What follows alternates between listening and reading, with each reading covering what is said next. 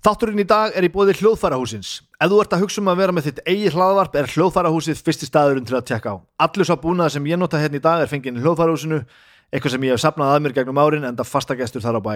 Hlaðvarp þarf ekki vera dýr framkvæmt og ótrúleitt hvað nokkur þúsundkallar geta gert til þess að uppfæra upptökuna frá síma upptöku í eitthvað sem er bæði áheyrilegt og gott. Tónabúðin á Akureyri er sýstubúð hljóðfærahúsins en svo er auðvitað hægt að heimsækja vefveslununa, panta og fá sendt frít á næsta póstús. Í tilefni þessa nýja hlaðvarp svo allra nýra hlaðvarpa farið 15% afslátt af öllum hljóðnemum í heila viku í vefveslununni. Farið inn á hljóðfærahúsi.is, gerðu pöntun og sláðu inn kóðan STVF í lok pöntunarferðlisins. Það er STVF fyrir Snæbjörn talar við fólk.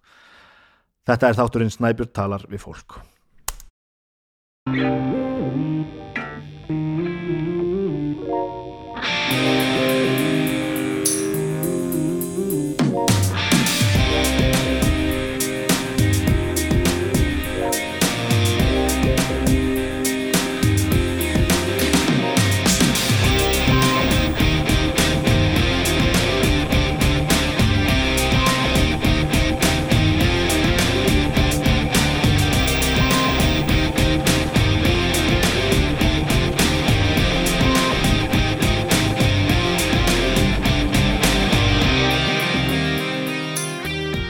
Já, nú er ég aftur sestur í, í eldhúsi heima hjá mér.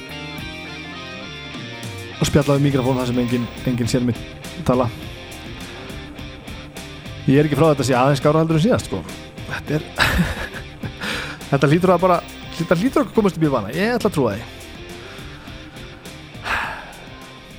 Allavega, er, uh, þessi þáttur fer út uh, á sama tíma og, og þátturinn viðtalið við Sigga Hlö sem viðtalið við Sigga Hlö, Snæbjörn talað við Sigga Hlö er svona eiginlegur þáttur nummer eitt í seríunni. Uh, ég held að skipti svo sem engum máli að hvort þið hlusti á þetta í þeirri röð eða þessari röð. En, en þið allavega vitið að við það er annar þáttur hann að hinum einu eða þið viljið fara, fara og, og hlusta á hann. Um, Allt er þetta nú framleitt og framreitt af hljóðkirkjunni og ég minni það að Dómstægur er komin aftur í gang. Dómstægur er um, uh, var búin að vera í svolítið pásu. En aftur komin á dagskrána nýr meðlimur og ég veit ekki hvað og hvað komi kona í hópin sem ég held að sé nú alviti gott. Þó að ég sakni nú að setja vinna minns í þessu öllu saman þá held ég að þetta er eftir að, eftir að gera gott. Dómstægur dættir á mánudaginn og svo aftur á næsta mánudag og síðan kolla kolli. E, Drauga fortíðar nýr þáttur sagfræðilegt ágrip flosa Þorgessonar það sem hann er að segja litla bróðum mínum frá merkilegum hlutur sem hann gæst í mannkinsögunni e, tveir þættir sem duttur unna því gær miðugdag, draugar fortíðar. Það er ansið skemmtilegt. E, þátturinn minn snæpi talaði fólk, þessi þáttur hann er verið fastilegur á 50 dögum og þetta er annar þáttur á tveimur í dag sem er svona viðhafnar stemning saman með drauga fortíðar á tvo þætti sem fyrsta þátt. E, það er það þessi Ilmur Kristjánsdóttir hjá hjá mér í dag hjá mér þessum þætti í dag. Og Siggi Hlu var hinn eiginlega fyrsti þáttur Ilmur er svona þáttur nummið tvö. Og svo er besta platan. Besta platan á morgun uh, þáttur nummið 30 og eitthvað 7 held ég. 8, 7 og það er hvorki meðin minna en besta platta með ham. Þannig að það er nú eftir einhverju góða slæjast mikil, mikil átök þar á bæ. Þetta er nú ekki grín að tala um hljóstina ham. En það er best að ég reyni ekki að gera það hér. Við gerum nóga því í bestu plötunni þannig að tekja því á morgun. Og það er pínu pro-tip hérna þessi þættir, ég held að það sé heilt yfir. Ég gera allavega alltaf með mína þætti og ég held að Baldur gera líka með sína þætti. Að við setjum það á, internetið að ég sitt mín alltaf eina mínúti við tólf á miðnætti þannig að það sem að uh, það sem við auglísum á förstu dögum er það núna bara 50. kvöld þannig að ef við erum að vinna nættuvökt eða eitthvað svo leiðist þá er þetta þá er þetta svona djöfull á gett hvað það var það sko svo til viðbóttur af þetta er uh, já, bróður minn erum líka uh, komum að þáttaröð sem við köllum heimsókn í hljóðfarahúsins þar sem við förum í hljóðfarahúsið og sendum út beint hljóð og mynd tökum við tölvi tónlistafólk og, og, og fáum svo hljóðdæmi. Og í kvöld klokkan 8, 50 50 dagurinn, hvað er í dag? 28. mæ ætla ég að taka viðtal við uh, Röggu Gröndal. Og hún ætlar að spila og ég veit ekki hvað, þannig að er, það er brjálað að gera. Það er nú bara þannig. Mikið óskaplega er þetta nú allt saman gaman.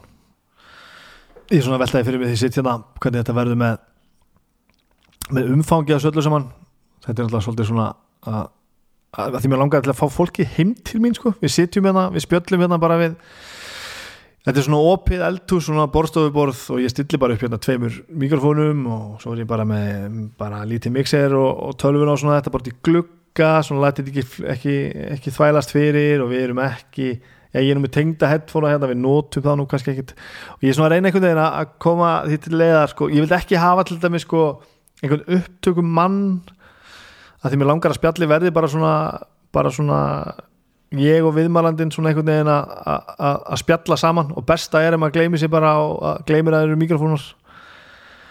Og það gengur alveg bara dröllu vel sko.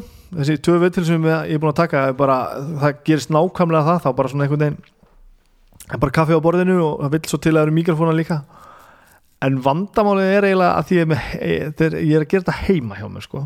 Og það býr fólk að það heima ég á konu og ég á tvö börn og börnum mín eru 5 og 30 ára og, og þannig ég þarf alltaf að stilla dótinu upp. Sko ég var að gera það á kvöldin að því að ég fæ fólk til mér hérna mótnana og, svo, og þetta er eldhúsborðuð okkar sko. Þannig að svo mæta krakkandir hérna að borða seriósi og horfa hérna í rándýru sjúrmikrofónuna á meðan og svona, ég er svona alltaf að býða eftir að ég líti undan og svo aftur við og þá er sónum minn búin að búin að, búin að læsa mjölkurlegnum serióstönnunum hérna í, í, í rándýra grímuna á, á mikrofónunum svona so far hefur þetta sloppið svona í fullkomnum þetta er tvíega sko, ég hugsa alveg um að gera þetta í stúdiója sem var þægilegt og haft, að verða að hafa þetta bara uppstilt og ég vil hafa bara einhverja mannesku með og eitthvað svona en ég, ég ætla að reyna að halda í þetta vesin að fá fólki hérna heim sko, fá fólki hérna heim sitja bara um mitt borð, drekka kaffi og minni kaffikonu sem ég var að hella upp og einhvern veginn svona,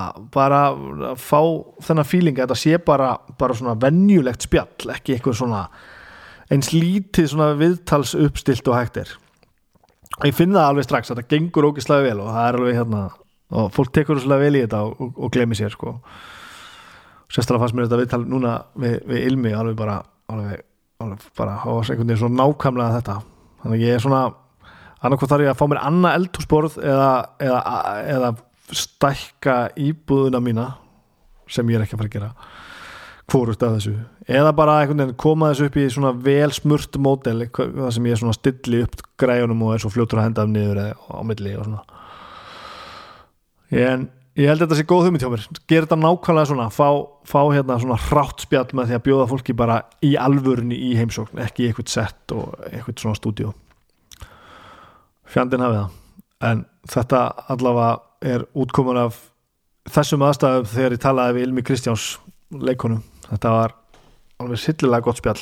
Uh, ég átti að með á því að uh, já, Ilmur tölum um í viðtælinu uh, þátt sem hún fóri hjá Bodlamá vinni mínum. Bodlimár Bjarnason hann, við erum að vinna saman á Pipar sá maður er náttúrulega já, hann er, hann er ekki eins og neitt annar hann er ótrúlegur. Hann er með þætti sem eru er í spilarunum á, hjá Rúf spilarunum á appinu held ég. Þætti sem heita, þið finnir þetta allavega í Google þetta þátturinn heitir uh, Hér er ekki töluð vittleisa ég held að Ilmur hafi verið fyrsti gesturinn í, í þeirri séri og það er svo fyndið sko. Það er svo brjálaðislega mikið fyndið og það var svona pínu kveikjan aðið að mér dætti í huga að fá hana í, í þennan þátt. Ég held að við nefnum þetta í viðtalinu og hérna já, farið að finna hérna hér er ekki töluð vittleisa allt saman ógeðslega fyndið. En allavega, restin held ég að skýri sín og algjörlega sjálf, þetta er ég og Ilmur að spjalla saman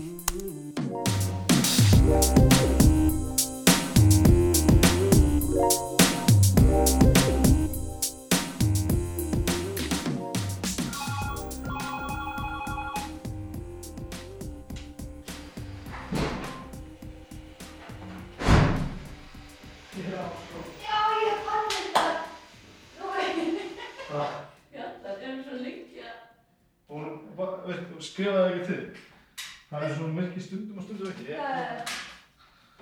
ég veit ekki alveg ég er ekki alveg búin að vaska þetta Ó, kekkja útsýni Má ég bara á skónum? Já, gjör svo vel Já, nei, það var þetta tilbörur, já, já, já, já. Bloodsöka 690, ég fór á tónleika með henni í Oslo. Jú. Hvernig? Það hefur verið, um, ég hef verið 17, ég, það hefur verið 90 og... Vekna það Það getur erfitt 96. Og tala um hann í bestu flötu Já, Plötu hlaðvarpi þannig Við erum sem með hlaðvarpi og Arnar ekkert og, og bróður minn. Já, já, já, já. og þetta er sem partur af því. Þá, þá hérna ákveði ég bara eitthvað hérna heru, besta platan með Red Hot Chili Peppers er þessi. Já, og svo höldum við bara klukkutíma hérna, spjall þar sem að ég held þessu fram og doktorinn er annarkot sammála eða ósamála já. Doktor Arnar ekkert í tónlist sko. Já, já, já, hann er það, hann er bara lærður doktor bara, hann fór bara til Edinborgar háskóla og lærði að vera doktor í, í, í, hérna, í, í, í, í tónlist Já, sem er súrealist Það er gegn. já, sérstaklega í þessu setupi sko.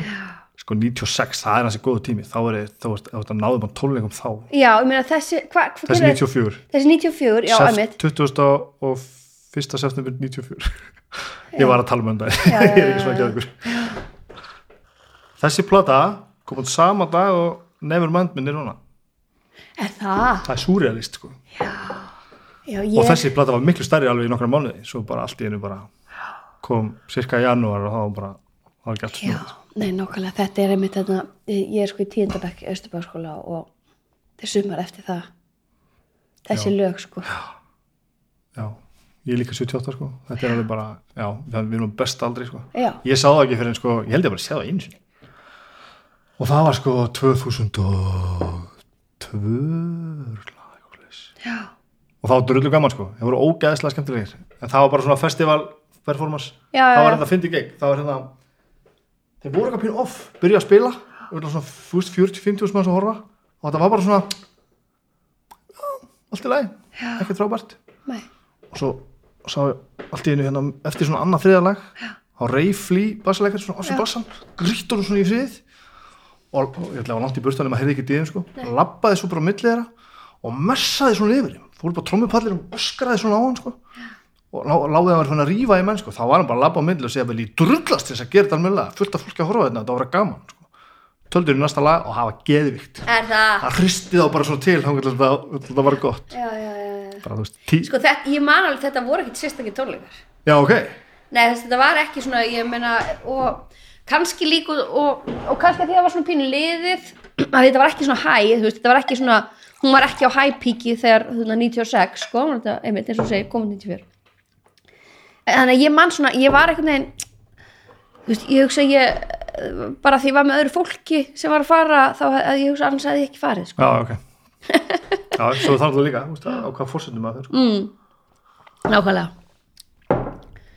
Er, ertu byrjaður það? Já, já, Er það? já, já Þetta er ekkit, ekki mjög formell, sko. Ég veit þetta ekkert alveg hvernig ég ætla að gera þetta. Þú ert alltaf gestur með tvö, sko. Já, já, hver kom undan? Siggi Hlö Sigil. Jep. Ég sagði bara við Sigga hérna, ég ætla að byrja á þessu. Mér vantar eitthvað sem að ég þekki svona svolítið. Ég ætla að fara að vinna saman, sko. Ég var að vinna á stofunni hans sem hann svo seldi sig út úr, sko. Já. Eitthvað sem ég svona þekki og veit að það er skemmtilegur mikrofón En ég veit ekki allt um, er til að koma. Og hann bara, jep, og mætti Og svo við tölum saman tvo tíma, sko, það var já. En ég veit ekki alveg ennþá hvernig ég ætla að hafa þetta, sko Nei, nei, nei, nei, ég skilji. Og bara, Alltaf tónlistin á milli eða? nei, Nei, þetta er bara þetta í einn og hann og tvo tíma já, bara að sjá hvað gerist já, já. Ok, þetta, þetta er svona bara einhvern veginn, þetta er svolítið hlaður sem ég hlusta á sjálfu sko. svona löng spjöll um bara það sem er bara nógu tími og ekki túst verið eitthvað að eldast við eitthvað nei, maður setur sér alltaf eitthvað. Ég á rosa, erfitt með sko svona hérna svona mér finnst þeirra auðvitað að hlusta fimm mínúna viðtöl heldur svona hálftíma viðtöl. Það sem á að fara að tróða svona mörgur svona inn í sko. það er svona að lasta í spurningalisti og bara og þegar spyrillin er alltaf svona leiðandi bara svona, já svo gafst þú náttúrulega bók og bara svona Mm, og svo var að tróða því inn í þrjár myndir bara, já, já, já. þá var ég bara svona þetta er svo yfirheysla sko þetta er bara, líka alveg fínt. Já. Gastu, það hefur ekki út bókun. er ég, Já, ég þetta ekki út bók? Er það? já. Hvaða bók? skálsaðan sem ég heit Gerill ég held ég sé ekki svona með. Já, ok. hún var bara, þú veist ekkert spes hún var bara ég, konstaði því að skrifa skáldsögu það er hérna, þetta er svo mörg orð sko.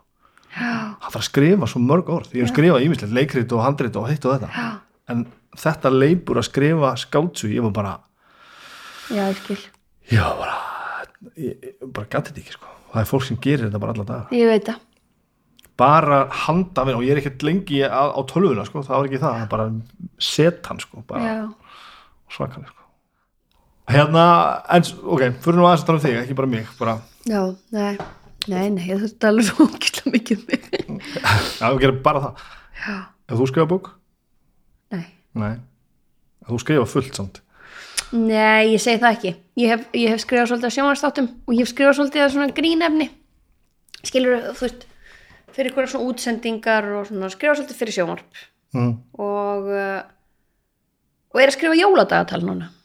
svona þáttabeist Já, fyrir sjóðanbiða, fyrir sjónvarpið, já.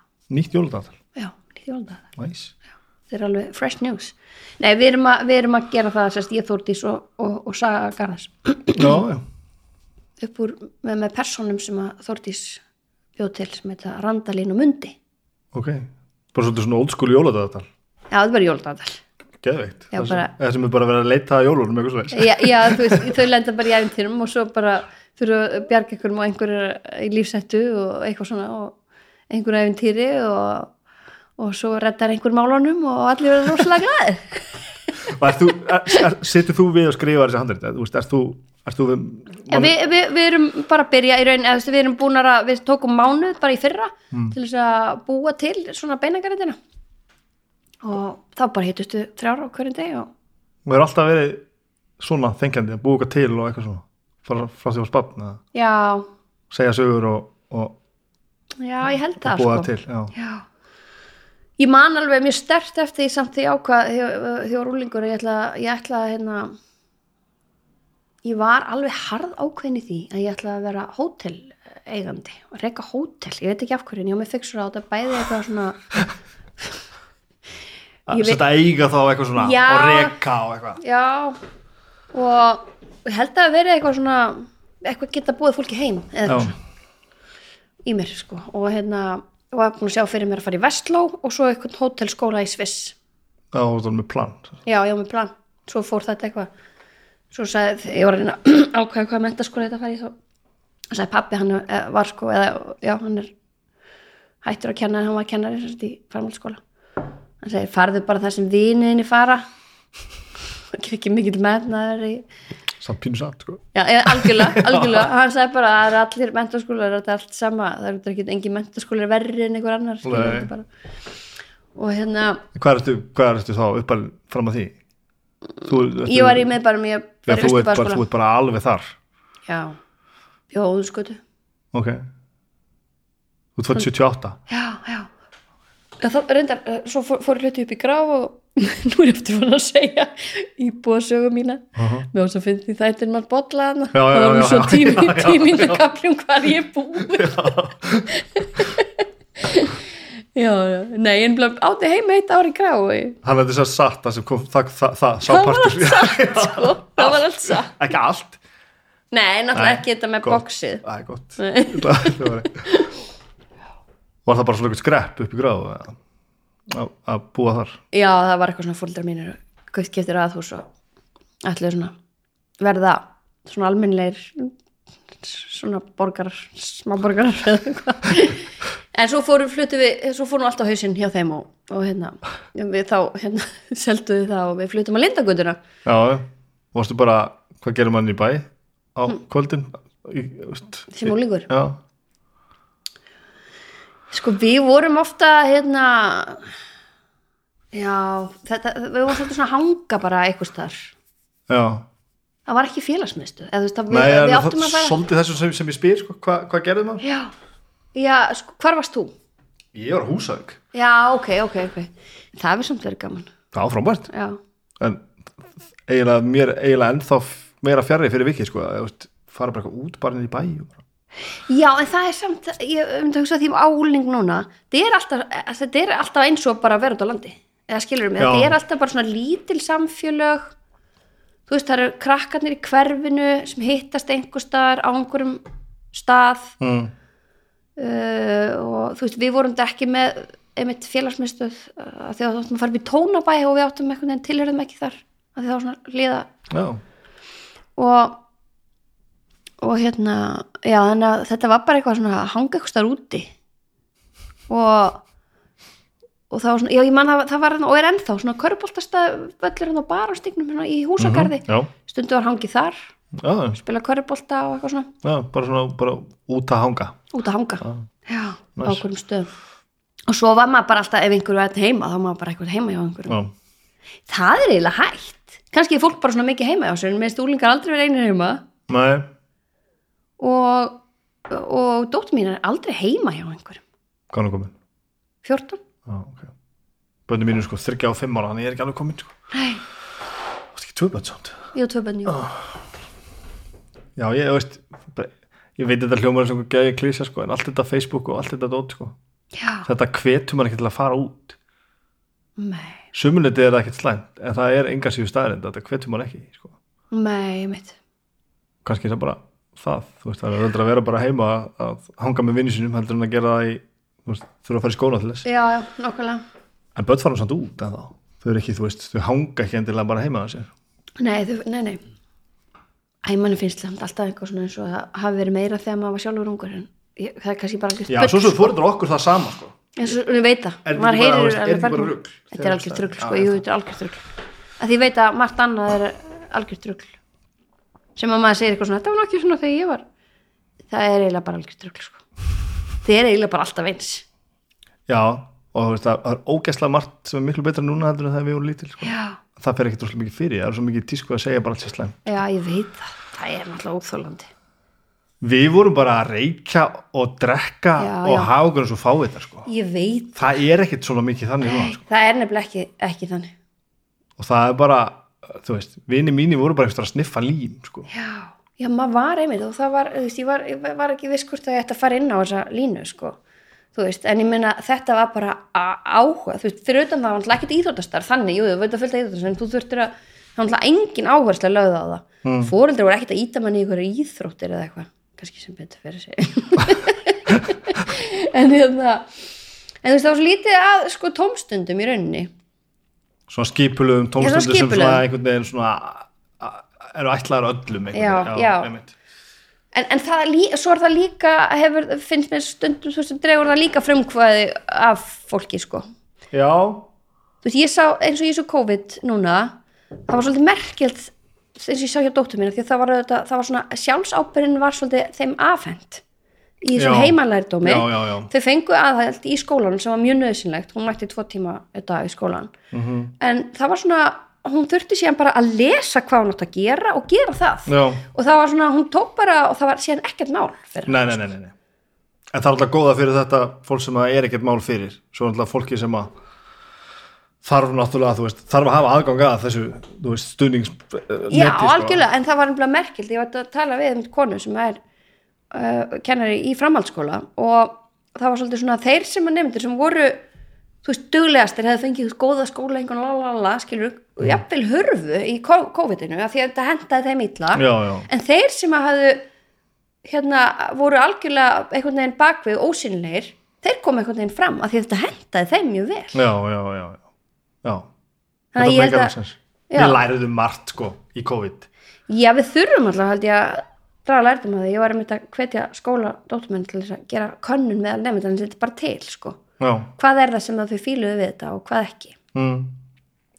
Saman bara með okkur og vinnustæði minn. Við læriðum alveg helling af þessu. Já, bara fundahöld og vinnulag og hitt og þetta. Já, þessi eilífa eilífa lenska halda þau eru alltaf að halda fund. Já, það þarf alltaf að vera fundur sem er skráður hálftími og verður einn og hálfu tími og svo er búið að þú veist, fundur er búið það var ekki búið ákvæðan eitt í staðan fyrir bara núna bara þessi fjárfundur eru bara það nennir þessu enginn það Nei, er bara fínt, sjá Já. framan í fólk korter já, og í lok fundar segir einhver bara ok, við þurfum svo þetta. ákvæð hvernig það er. Já.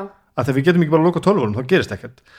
Einmitt, og þá bara tekna konkrétt ákvarðinir og maður fyrir bara að vinna og bara, herru, þetta er frábært. En það held ég að minn vinnustæði sem þetta að læra fullt af þessu þú vilt, ekki vera í vinnunni og vilt bara vera stór annars þar að gera það sem það þarf að gera, er bara frábært. Mhm. Ég held nefnilega að skólakerfi verður að draga og nákvæmlega það sko. En ég held að ef að það er ekki svona þrýstingur á það og þá, þá gerist það ekki. Maður finnir að bara fer allt í sama horf og þú veist það er ákveðin viðveru skilda samkvæmt lögum í skólum. Já, ok.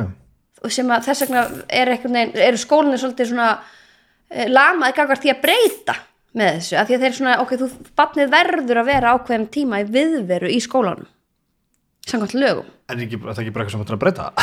Jú, jú, þú það að breyta lögum. Og, og, og þú veist, og það hérna og ég held að þú veist, þessi lögur er síðan sett fyrir kannski eitthvað, 50 árum eða eitthvað meira, 60 árum, með í öldina að því að þá varðst að vera með að því það voru svo mörg sveitafjölda landi sem var bara svona, æ, þurfum við þessa skólaskildu Já, já, skilur já, já. og þú veist, þá var það nöðsilegt og, Já. þá, hérna, og þess vegna hefa, hafa, sko, hefa mentamálurandi verið rosa hart á þessari þú veist, þessari, Já, þessari skildu sko, viðveru skildu en svo erum við bara að horfa fram á aðra tíma núna. Veist, þetta er, En þetta er alltaf þetta eilífa fram og tilbaka því að þið byrjum að tala um þetta með, sko, með hérna, félagsmiðstöða versus það að hanga úti og, og, og sniffa tippeg sko.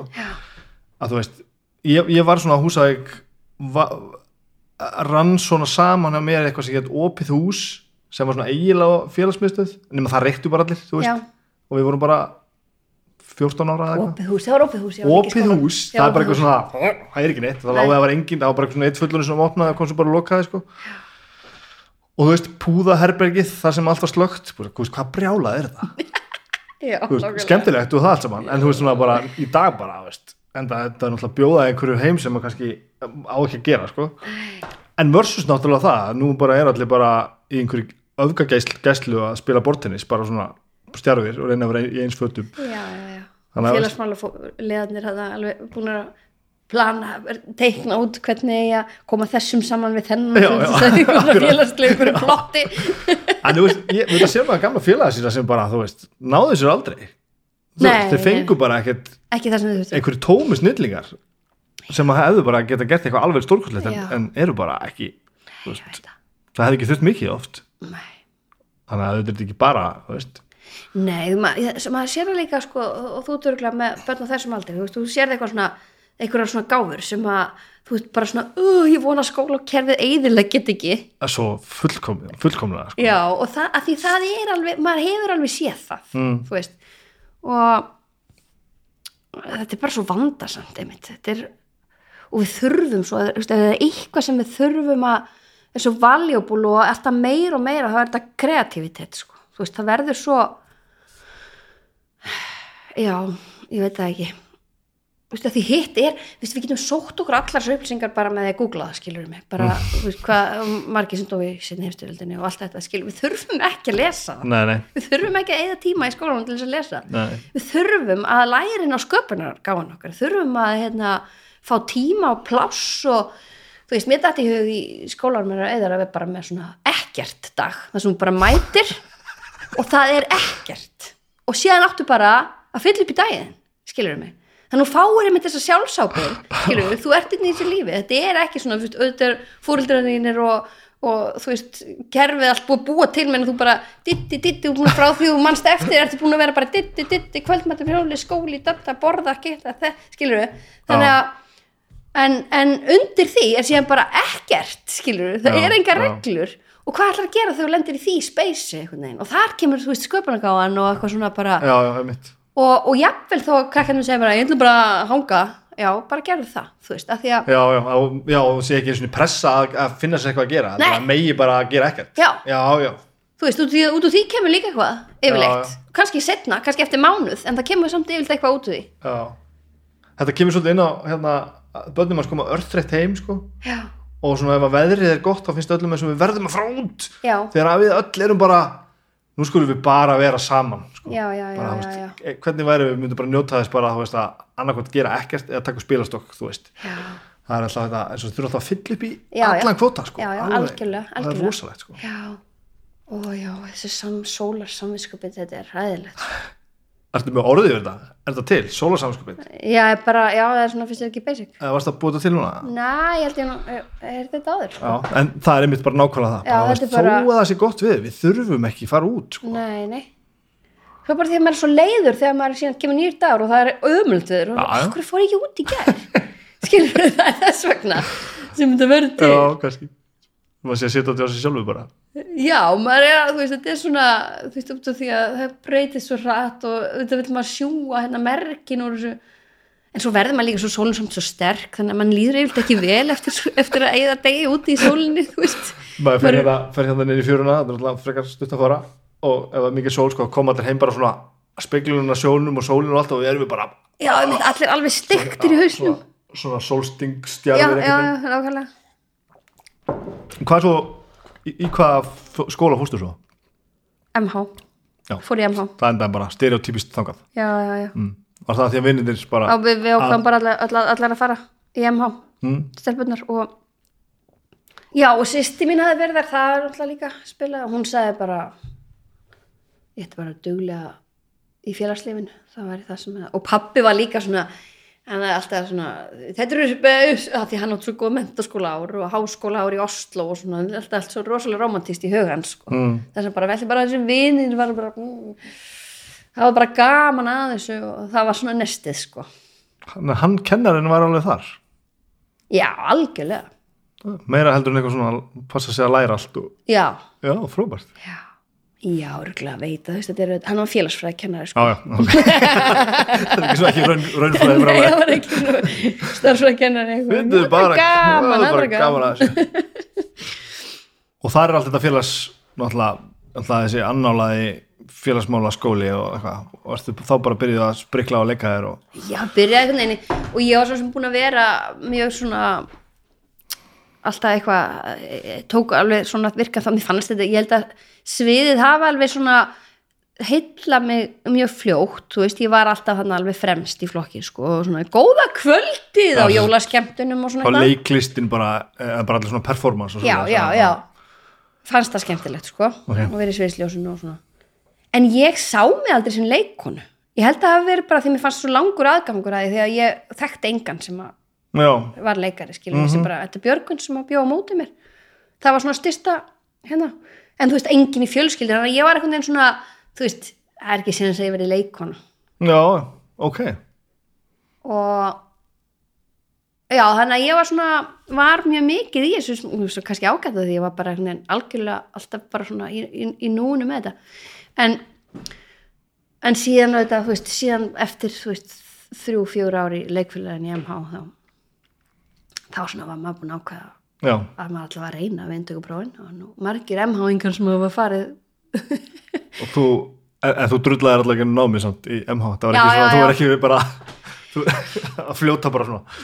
Nei, ég var samt sko, ég hætti hann í verkfallinu 95 ég hætti, ég líka, hvað fórst að gera?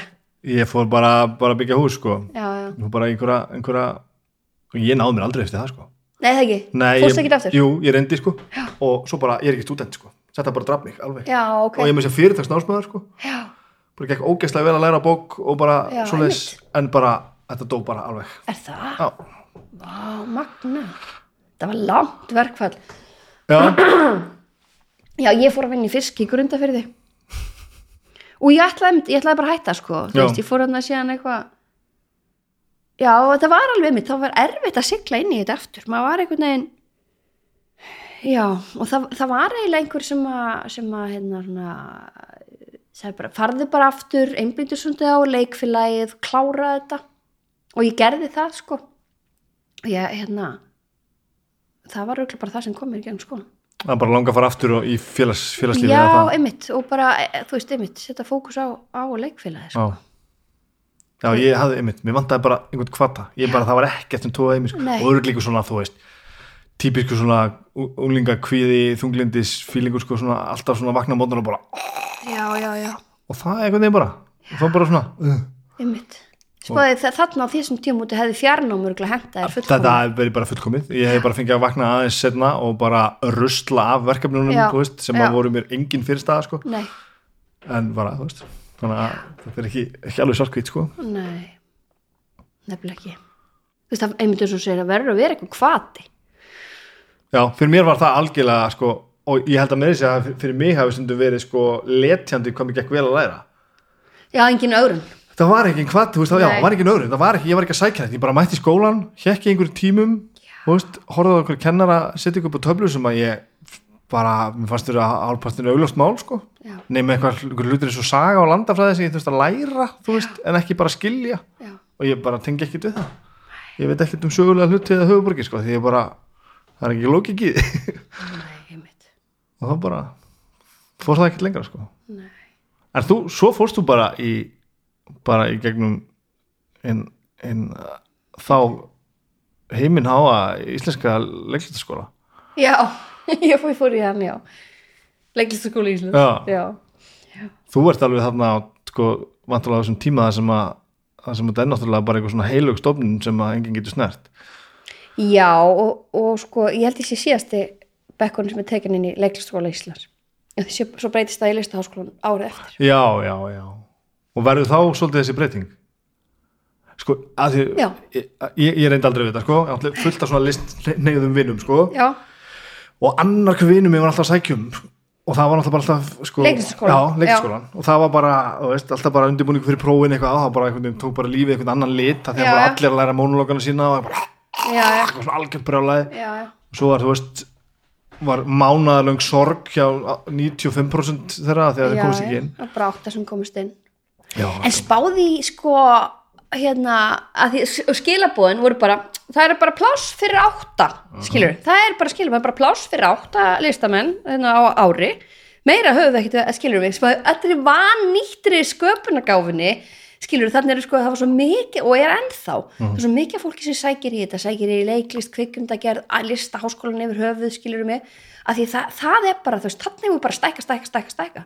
Og ég held að, þú veist, mentaskólan er aðeins að fann að kveikja á þessu, ég meina og MH er komið með svona heitir op, opin braut.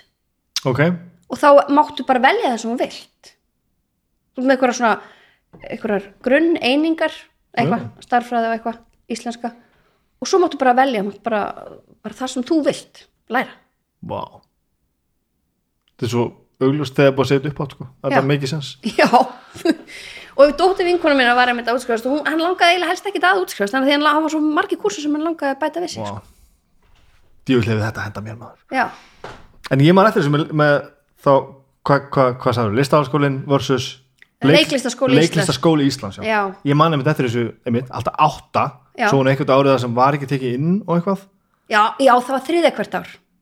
Já það var fast alveg. Já, það var þriðja hvert ár. Það var tekin í, eða fjóða hvert ár það var tekin í þrjú ár og sleppt fjórða árinu það var alltaf þannig. Þetta er svo, þetta er svo súrt sko. Já, og, og, eitthvað og loft. skilabóðin bara hérna, já nákvæmlega, er ekki eins og þetta sé einhver að hafa einhverju lögmálum. Og skilabóðin voru bara þetta eru bara leikarnir sem við höfum pláss fyrir Já. í, í, í hinnum háhúsum.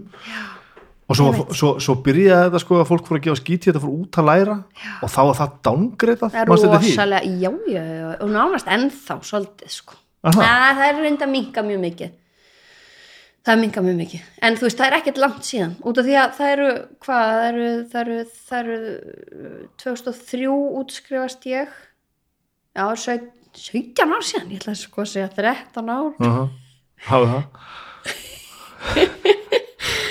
já, hérna já, og þess, hann er búin að vera og þannig að hann er búin að vera listaháskóli eða sérst, já, í 20, 20 ár Uh -huh.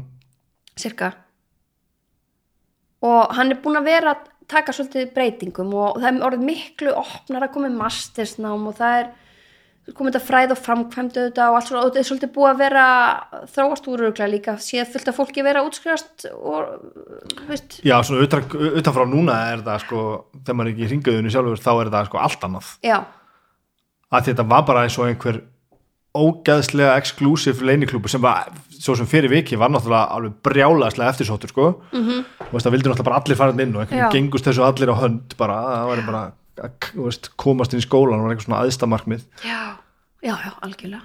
Algjörlega. Og svo mann líka bara það var líka svona, þetta var svona, svona síló. Leikar, myndist, þetta er já, já, og þá bara eins og, þú veist, þú fórst bara í leiklist og þá varstu bara, an, þú veist, bara leikari hjá þjóðleikúsinu eða borgarleikúsinu eða á fer norður sem að, jú, jú, allt í lagi. Skilur, fær alltaf að laun. Skilur, já, þetta var nákvæmlega svona. Já. Nún er það allt annað, já, já. veist, það, og það var strax lögð áherslu á það þegar ég var þegar þetta breytist í listaháskóla og maður fann það alveg, þetta er bara þú ert að læra að verða listunar, þú þarft ekkert að og að hérna, skilgreina eða verða, þú veist finnast þú vera hérna, eh, ekki neitt ef, ég held að þetta sé svolítið en þá svona, allir á vonanslega komast hjá samning allir á, ég, veist, ég skil það ekki líka hjá bara hvað, að allir eftir svo að komast á samning hjá öðru hverju leik og svona eða skilur þau? Er þetta nú ekki svona eitt af því sem er svona svolítið þægilegt að sitja hérna og, og segja þegar maður er búin að gera þetta allt? Jú, mjög. Það er svona, Jú, en það er svona líka að segja það, skilur já. það er bara, þarf maður ekki að gera þetta tikka í bóksið Jú. og fatta þá bara svona, heru, það er eitthvað fleira að sko. Það er eitthvað ég held að sé ekkert sjálfkvæmt því, að maður verða það er reyndar alveg rétt þú veist, auðvitað er mjög auðvilt fyrir mig að sitja hérna og var komin með samning í nefndaleikursinu já, akkurat. En hérna já, já, ok. En mér finnst það samt líka alveg vera ennþá svolítið bara svona í bransan ég vil þó að þessu búið að tekja í bóksin skilur að hérna að eh, lífið sé búið ef þú ert ekki á samning hjá öðru hverju leikursinu er það ennþá, heldur það? já, já, já, ég held að þetta, ég meina já, já, nei, nei, ég ætla ekki auðvitað maður svo auðvelt að setja ég, það, það allavega fyrir mig, ég ætla bara að tala út frá mér því að ég get ekki verið að tala hvað öðru fólki líður eða, eða hvernig, hvernig það á að lifa sínu lífi eða eitthvað svo leiðis mm. en ég allavega það hefur alveg henta mér að vera laus og geta farið í alls konar því ég er með, þú veist, svona fljótt inn í eitthvað svona sjónvarskrif og sjónvarsleik og eitthvað svona og, og geta svolítið, þú veist, farið í alls konar verkefni sko. en það er líka svolítið þú. Þú ferð þá líka bara og býrð eitthvað til og skrifar eitthvað, ég meina sumir eru náttúrulega bara nú hljómar þessi sé fann að rífast við, ég er ekki að því. Það, sumir eru náttúrulega bara leikar sumir vilja bara vakna á mótnana og taka upp handriðið sitt, læra rulluna sína setja sér í karakter, finna hvernig það ætla að vera fara svo bara sviðið og leika. Já, já. maður skilur Já. alveg að það fólk vilji þá bara eiga sitt plattform sko. já, algjörlega, algjörlega. En það er samt, mér finnst samt að því að, að það, ef þú ætlar þú þarft líka að næra þetta, þessa list skilur mig og það, mér stundum vera svolítið ótti í stjættinni Mm. og ótti drepur uh, listina. Mm þú veist, hann drepur eiginleikaðin til þess að, að skilur mig. Það, þú, þú, þú, þú, hann, hann trafkar niður frelsið þitt inn í listinni einhvern veginn. Og, og mér finnst það oft, mér finnst ótti oft stýra því. Og ég veit alveg, þú veist, það er alveg svolítið, svolítið vandfærin leið að losna við óttan en, en jafnframt gefur það bara frelsi inn í leiklistina. Og þá færðu líka svolítið frelsi kakvart því að vera samþyktur sem leikari eða ekki, skilur veist, og, þá, og þá finnur þau svona þú veist eins og ég hef auðvitað alveg hætt á myndi ég fór í pólitík og var í borgin í fjögur ár og þá var ég eiginlega ekkert að leika ég tók þátt í einnig leiksýningu.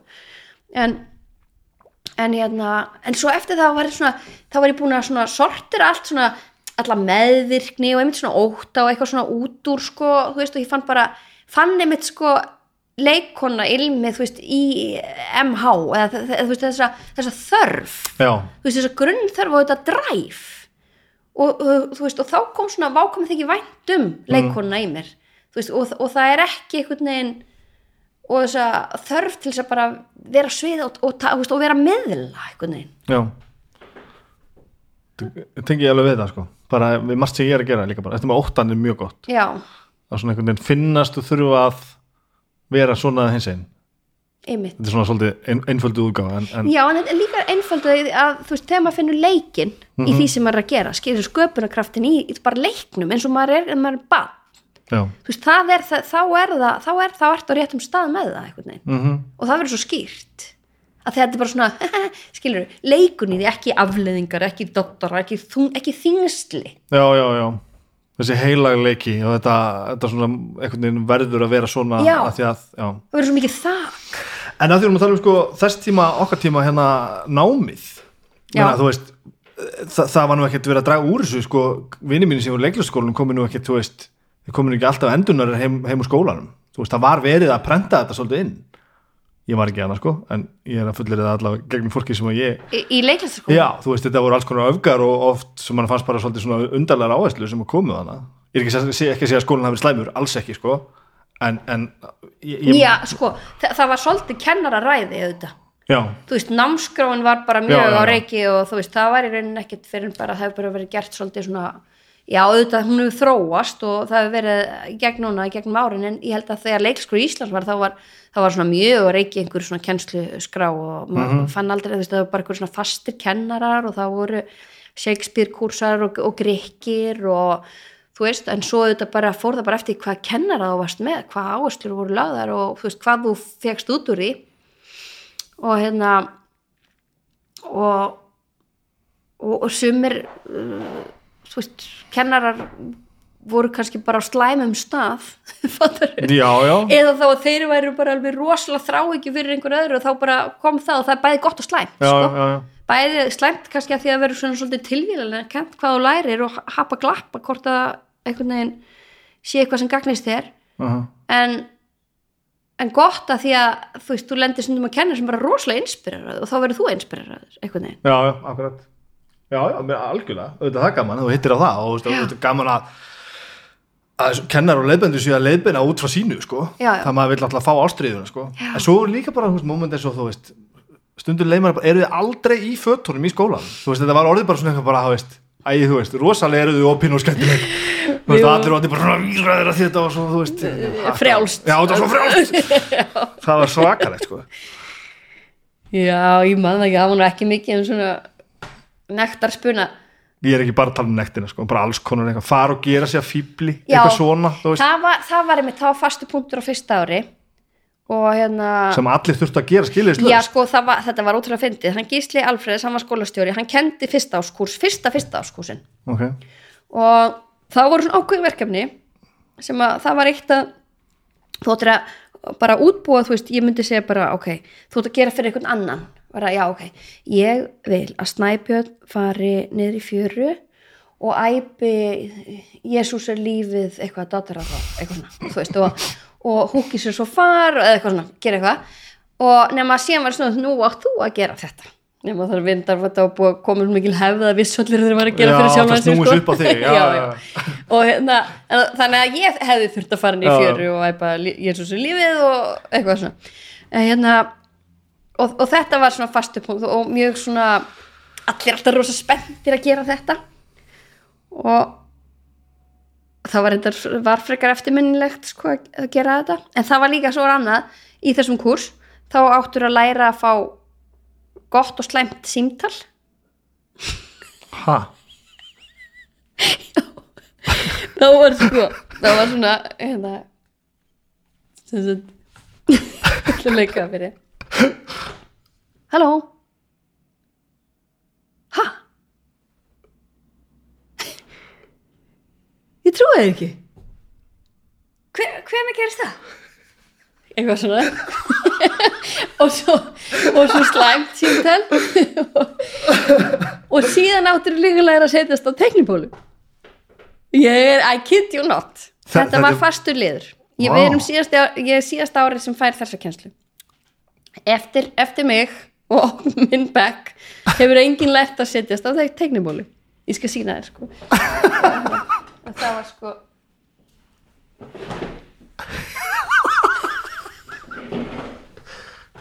og, þetta, og fólk alveg kefti þetta og gerði þetta bara? Fólk gerði þetta, já, já.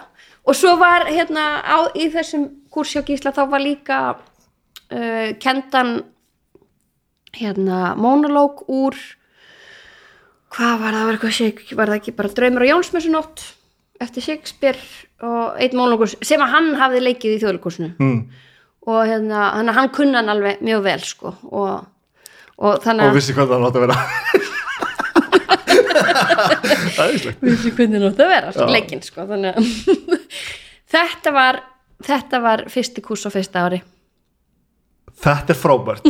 Þetta er eitthvað, já, þetta er eitthvað en þetta er til dæmis eitthvað sem ég sé fyrir mér að einhver sem er sko framúrskarandi og hefur áhugan og allt það getur tekið helling með sér út úr sko ég átta með að þetta er pínu svona silly sko, þú veist já, Þetta er að fá hérna, setna símtalið það reynt séðan bara já, Kostu, Ég tók eitthvað sleftir hér sko, þú veist, góða símtali og teknibóluna er sleftir já Fe- þessi slæfa símtalinu halló ha fyrir ekki getur getur getur sagt ha já, já, ég kem. Það getur það Þetta var rosalegt sko. Þetta var, þetta var fyrst svona eins og væri mögulega búin að vinna í lottóinu en svo var þetta allt í einu skelfilegt. En þú veist, en samt svona grínlaust þú veist, ég átta með að þetta er einfalt og svona rútimentari svolítið en, en en, en þú veist er þetta, er þetta, þetta er ekki slæm aðferð Nei, sko, í rauninni að því líka að þetta var ákveðið öryggi. Þú vissir alveg að hverju þú varst búin að heyra þessu öllu, þú vissir að hverju gegst og þú varst hann spenntur að gera þetta. Mhm. og ég meina, ég var bara mjög spennt að fara í hérna síðasta teknibólu þú veist, bara grínlaust einmitt, talandi um líka bara, þú veist, barnið og leikin og allt þetta og, og, og, hérna, og það má aldrei heldur gleymast í þessu, þú veist, saman hversu alvarlegur listamaður maður verður að maður er bara eitthvað að leika sér. Já. Þú veist, þetta er bara eitthvað grín. Oft kemur líka bara mest út úr því að setjast á fucking teknibóluna sko. já, já, þetta þurfi ekki alltaf að vera fjóra seríur að einhverju svona ógeðslega flók, flókinni persónusköpun og einhverjum nei, samskiptum sko. það er nefnilega alveg rétt sko. það er kannski að alltaf að halda því á lofti líka sko. já, það er alveg rétt. Fórstu, þú flögst bara inn á fyrsta í fyrsta gói ég gerði það, já. Og það bara ég held ég að bara verið svolítið slök. Já, ég veit ekki af hverju sko. af hverju ég var ekki einhvern veginn stressaðri með þetta. En uh, ég fekk líka reyndar svolítið góða aðstóð mm uh, þú veist með monologin og, og hérna fyrsta monologin sko. Og mér var svolítið ítti yfir brúnina og ég þú veist, fór alveg svolítið langt. Já, þú veist, ég fekk sko aðstóð frá hérna eiginmanni vinnar míns og sem að þeir voru báðir leikarar sko. Mm og, og hann, var, hann var, er sænskur og, og hérna hann, hann var aðstofa mig og svona auðveldara heldur en að þessi vinur minn væri að aðstofa mig sko. Já, já, og, og ég, bara, ég var bara á stofgólinu heima hjá þeim og hann bara, þú veist, ítti mér alveg rosalega langt. Já, já. Og svona yfir, yfir mín eigin mörk að þannig, þú veist, þannig að ég var alveg svona, þannig að þegar, þegar ég mætti fyrsta endugbrú þá, var- þá var ég alveg svona þá síndi ég alveg að ég gæti farið, skilur, Já, síndi ég alveg já. svolítið mikið. Og hérna og, og síðan, og ég held að einmitt eftir það, var ég alveg svona þetta er ekkert maður ég komin í gegn og ég man að síðan var vantaði að para einhverja fleiri og einhverja svona ofmargi strákar eða eitthvað og þá var ég fengin ég var, auðvitað ég fengin. Skilur þannig að það var eitthvað öryggi í mér. Já. og hefur alltaf verið bara þetta koma fram og bara þú veist, þú hefur ekkert mikið fyrir því að fara upp á svið og byrja. Nei, Nei. nei. Eh, og er munur á því hvort þú ert með handrit eða ekki með handrit já, ég fann það eins og í pólitíkinni það var náttúrulega allt, allt annað, ég var alveg drull ég var að skýta á mig sko. Þegar ég var að fara eitthvað, halda ykkur ræði borgarstjórn og eitthvað svona, ég átti bara að ég og tala ekki um líka eitthvað þegar gáfuð og, og þú veist, hafa eitthvað, hafa eitthvað að segja, Mm. þannig að þá var ég mjög stressuð þá var ég alveg bara, en samt gast nota reynsluna á Nei, ég svona- ekkert notað. Nei, okay. ég gæt ekkert og það var alveg áhugaverð allir eitthvað svona, hún fær nú létt með þetta og svo held ég er að vera bara hún er svo vön að koma fram, þetta er ekkert skilt Nei, okay. þetta er ekkert skilt auðvitað því að kom með öryggi í því að þú veist, ég var inni í pólitíkinu og kom með öryggi og svona vissi um hvað ég var að tala og allt það, þá kannski jú, jú, ég segi það ekki, þá, þá fann ég alveg að, að þú veist, þetta var ekkert mál fyrir mig, þá, þá var kannski sviðið ekkert mál fattaru, sviðið er kannski ekkert mál, en þú veist, það fyrir hvað þú ert að gera á því. Já, og, og hérna en og óöryggi kom, kom veist, ef það er óöryggi í því sem þú ert að gera þá, er, er, veist, kemur það bara alltaf fram á sviðinu. En akkur fórstu það í þetta?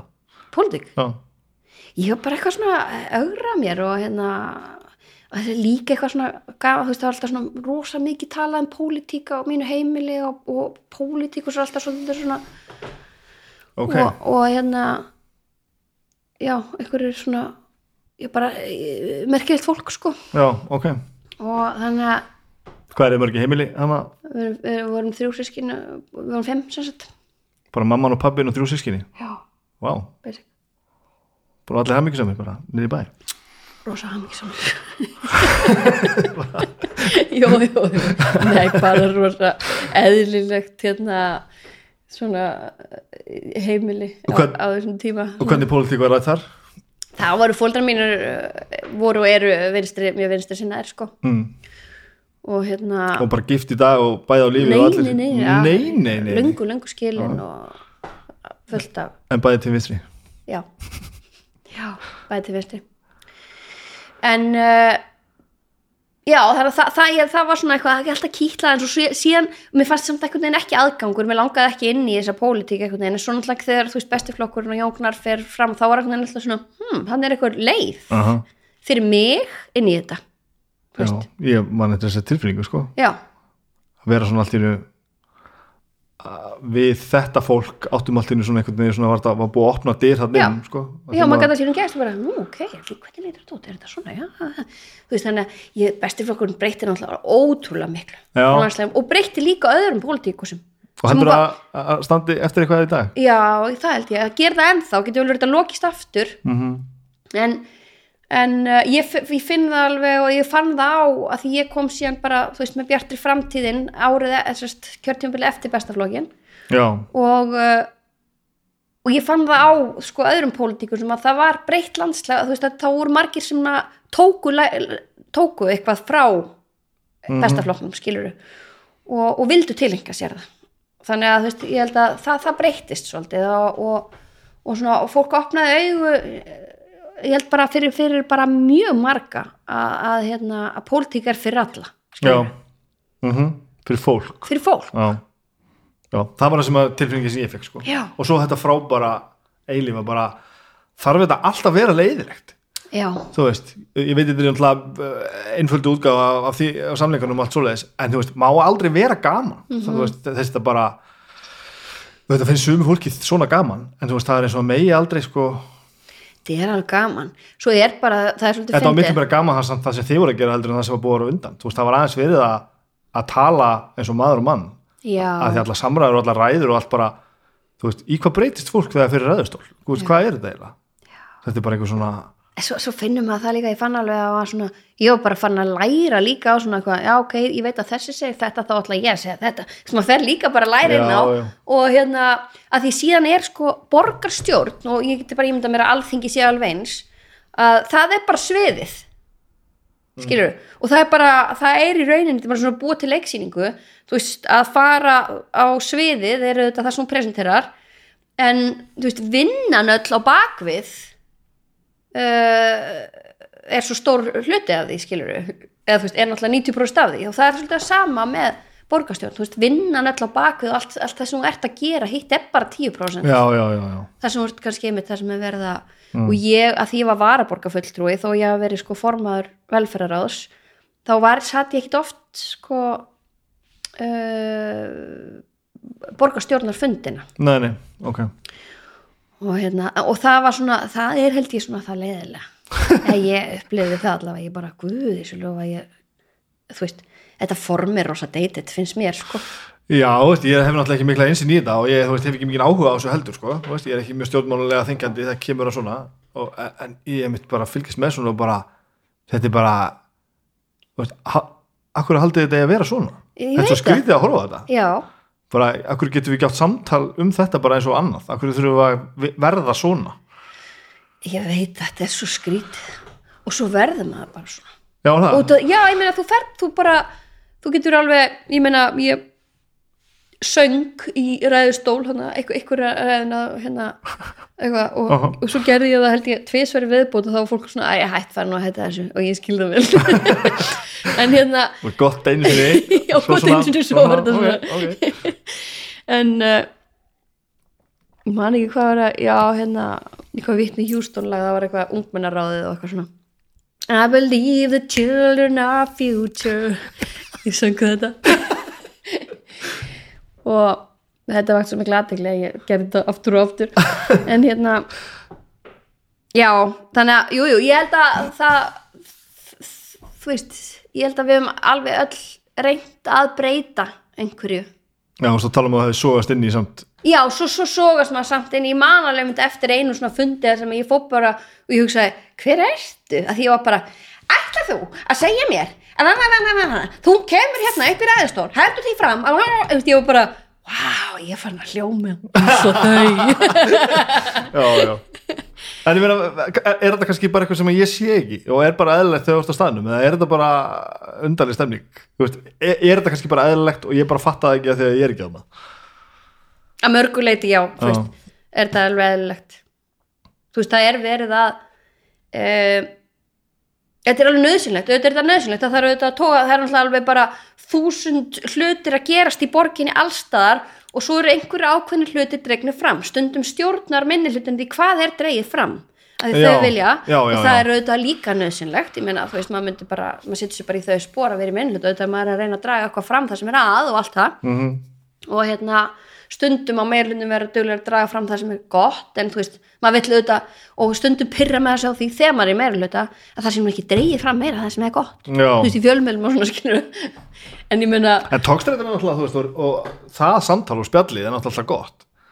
Þú veist, e- ef við varum alltaf sammála um allt, þá myndir náttúrulega ekkert gerast. Nei ég veit það. Og það líka sem ég lærði að því að, að, því að fyrir mig eins og í, sem, sem formann velferðar þau var stundum eitthvað svona vond dreigið fram í, í, í kastljósið.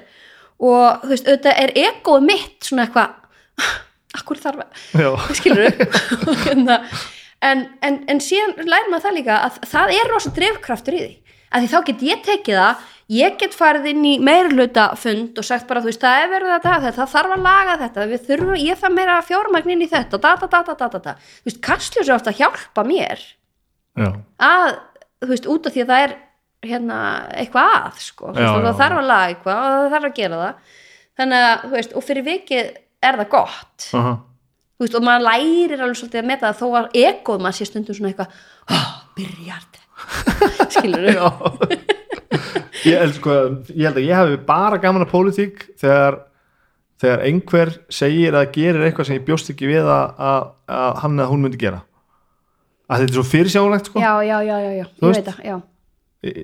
Aftur ég er ekki, ekki með alla einsinn í þetta en, en maður svona horfum bara á og það kemur eitthvað mál og þú veist sko að henni finnst þetta það. honum finnst þetta og, og hún segir þetta. Það er þess vegna sem ég segi og þetta er og bara já, þegar ég var fann að segja ætla þú að segja mig það? Þú veist, þá segir bara, já, ok, núna er ég komin inn. Þetta var nú fann að hljóma alveg nákvæm af því það er bara einmitt, þetta er fyrir sjáanlega mm og heldur allir eru, eru allir jafn sikir þannig að þú veist að því mér líður ekkert þess að fólk sé að horfa á þetta frá öllum hliðum. Þú, þú veist bara að, að þér finnst þetta um svona. Auðvitað er, ég held að fólk sko það þarf auðvitað að vara sér rosalega mikið á þessari hérna ég var nú bara að reyna að gera mitt besta hérna skilur við mig, þú veist það þarf auðvitað rosalega þú þarft alveg effort til að taka egoðið út úr þessu. Já, ok. Og hérna, og fólk er bara með skott í því. Var þetta gaman? já, þetta var mjög gaman. Já, og mjög lærdómsrikt, þú veist, ég lærði auðvitað bara, bara mjög mikið um bara auðvitað borgina og, og hvernig þetta funkar allt saman og, og ég fekk líka svona þetta er allt í góðum Já, þetta er allt, og þetta er bara og í rauninni það er svona eiginlega sama uh, þetta er svona, þetta er svolítið svona tryggt líka, það er búið að gera skipulag sem búið að samþekja veist, og það er svona nokkurn veginn sama hver tekur við. Mm. veist, það er ekkert fara það er verður engin, sko, auðvitað verður alltaf eitthvað svona óáþreifanlegur munur á menningu í borginni eða þannig. En, en það er samt, það stefnir allt í eina átt, skilur við erum ekkert, það er, það er ekkert fara að byggja það er enginn að fara að byggja að misla gatnamátt þó svo einhver sé að segja það, það mun bara ekki gangu veist, það, það, það, er bara í rauninni ein leið til þess að byggja upp þessa borg, veist það er, og það, er- því verður ekkert breytt. Og við þurfum að er- bílanótkun bara alveg sama hvað veist, það er ekkert, og það mun engin stjórnmál það er engin að fara að breyka bílagötur. Þú veist, þá hætta bara allir á umhverfis og skipilarsviði Já, það já, já, það, er, það, það er bara svo þú veist, ef þú ert bara mentaður í þessu fæi og veist hvernig þá veistu bara að það er bara ein leið, skilur til þess að byggja upp þessa borg. En fær mentaða fólki að, að, ráða þessu? Já, já, auðvitað, þú veist, auðvitað eh, oftast, já. Eða skilur, auðvitað skiptir máli þá hver er í borgarstjórn, skilur, hver, Já, er, hver, er, sko. já, hver er að fara að lusta mest á hérna, fámenn, taka skynsalegar ákvarðanir og, og hérna, þú veist og við lærum það auðvitað núna í þessu COVID að, að hérna, þar var rosa þæl þegar stjórnmálmenn fór að draga sér bara hlið frá þessu segja bara, þetta er ekki okkar svið. Og, og bara, og gera sér grein fyrir því. Magna að hafi gerst. Já, og ég la mætti kannski gera meira þessu. Já, algjörlega. Mm. Þetta var alveg til fyrirmyndar. Án þess að vera einhvern veginn eitthvað bara off the hook. já, já, einmitt. Já, alveg bara, þetta þetta er stórmerkilegt. Og bara, en þetta náttúrulega geta einhverju verið brjálæðar yfir, því eins og öllu öðru sko. Já, já. hvenær er þetta sem þú byrjar í, í þessu 2014. og þá ertu búin að vera á sviðun alveg í, 11 ár já, Já. og, og, og varstu vísvita það er þetta að fara í guðfræði líka hann á millitíðinni eftir að útskjáðast mm Mhm. -hmm. Vá, eða sérst, ég, ég, fyrst, ég kláraði ekki ég fór bara hann að eitt ári að þannig var nú líka að leika eitthvað með og svona var það forvitnið eða var það, já, var, var forvitni það trúin? Það var forvitni og svona trúar löngun það var svona ég, já. Já, það er eiginlega efni í annað spjall. En hvað varstu að segja? Þú veist að tala um í er það er mjög annað spjall? Þetta er stórmerkileg var, var það bara eitthvað svona sem að hérna, eitthvað sem við bara þér fannst þau þurfa að skoða bara?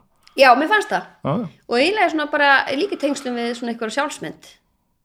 Frábært fyndin leið að fara bara og læra þetta. Já. Það er mjög þetta frábært. Já, já, en það var það, það var bara, þú veist má alveg segja að ég hafi svona frelsast eða þannig, já, ég fann mér leið í gegnum, þú veist, akademíun eða þannig, þú veist. Mm og þegar ég var búin að svona sjá, já, ok, allt þetta sem ég þól ekki við tróbröð, er bara mannana verk eða þannig, þú veist, ég bara og gæti svona, já, ok, vá, það er svo rosalega mikið að bulli en að fólk er svo, náttúrulega svo breyst og samt elska í fólk og allt þetta, skilur þetta er svona, að, hérna, og geta bara fengið bara svona beina rás og treyst fullkomlega á hana þú veist, og ég, man það gerðist bara í trúfræði tíma hún var að tala um hérna uh, réttlæ, réttlæting of trú eða sérst að vera svona, svona í, í, hérna, í lúterskunni að þannig að þú bara réttlættur, þú ert bara fyrir trú, ert þú bara réttlættur. -hmm. Skilur og bara kemur svona eins og kápa og leggst yfir herðarinn eitthvað svona. Og ég, og ég eitthvað svona hristi hausina og, og hún segi, Ilmur skilir þetta ekki eitthvað? Og ég bara, nei, ég skilur þetta og svo eitthvað þetta eitthvað svona fyrir eitthvað svona, en það gerðist eitthvað. Það bara, það kom bara þessi kápa eða eitthvað, eða þú veist, það bara svona opnaðist bara svo heima þig. Og allt í einu fekk ég bara svona allt sem þú ert er rétt skilur, allt sem þú ert og, og svona bara, þú veist, þú ert bara fullkomin eins og þú ert þannig að bara svona, fekk bara svona fyrirgefningu og, og þú veist, einhvern veginn svona já, allt sem ég hafði einhvern veginn svona leitað er þetta er þetta ofið hefi Nei, þetta er frábært, sko. En, en, og, og lýsir svo svolítið eins og þetta hafi ekki verið neitt svona opaslega heilagt það var meira bara svona einhverju uppgötun svona stór uppgötun eða eitthvað. Algjörlega, og ég get ekki líst því einhvern veginn svona öðruvísi, bara mann maður rosa skýrt eftir þessu. Ég fekk svona, ah, ok núna skil ég það sem allir er að það sem, það sem, þú veist, akkur uh, þrýr fjóruð mannkins eru skilur fara á hnén á hverjum deg skilur, mm og, og tekur þetta bara með þér ennþá? Og þetta Já, fylg, fylgir þér? Já. Svo er ég þetta tólfbara mannski líka. Já, og, og átti tíu ára eitthvað amali í, í í hérna april, til ekki með það. Takk. Er það betra? já, miklu betra já, það, það, það, það var það, það er það sko, það er miklu betra fyrir mig, ég það stundum að minna mig á það og hérna þú veist, að því ég sótti mér svona stíft í það sko. Það var svona mín, það, það var mitt haldreipi.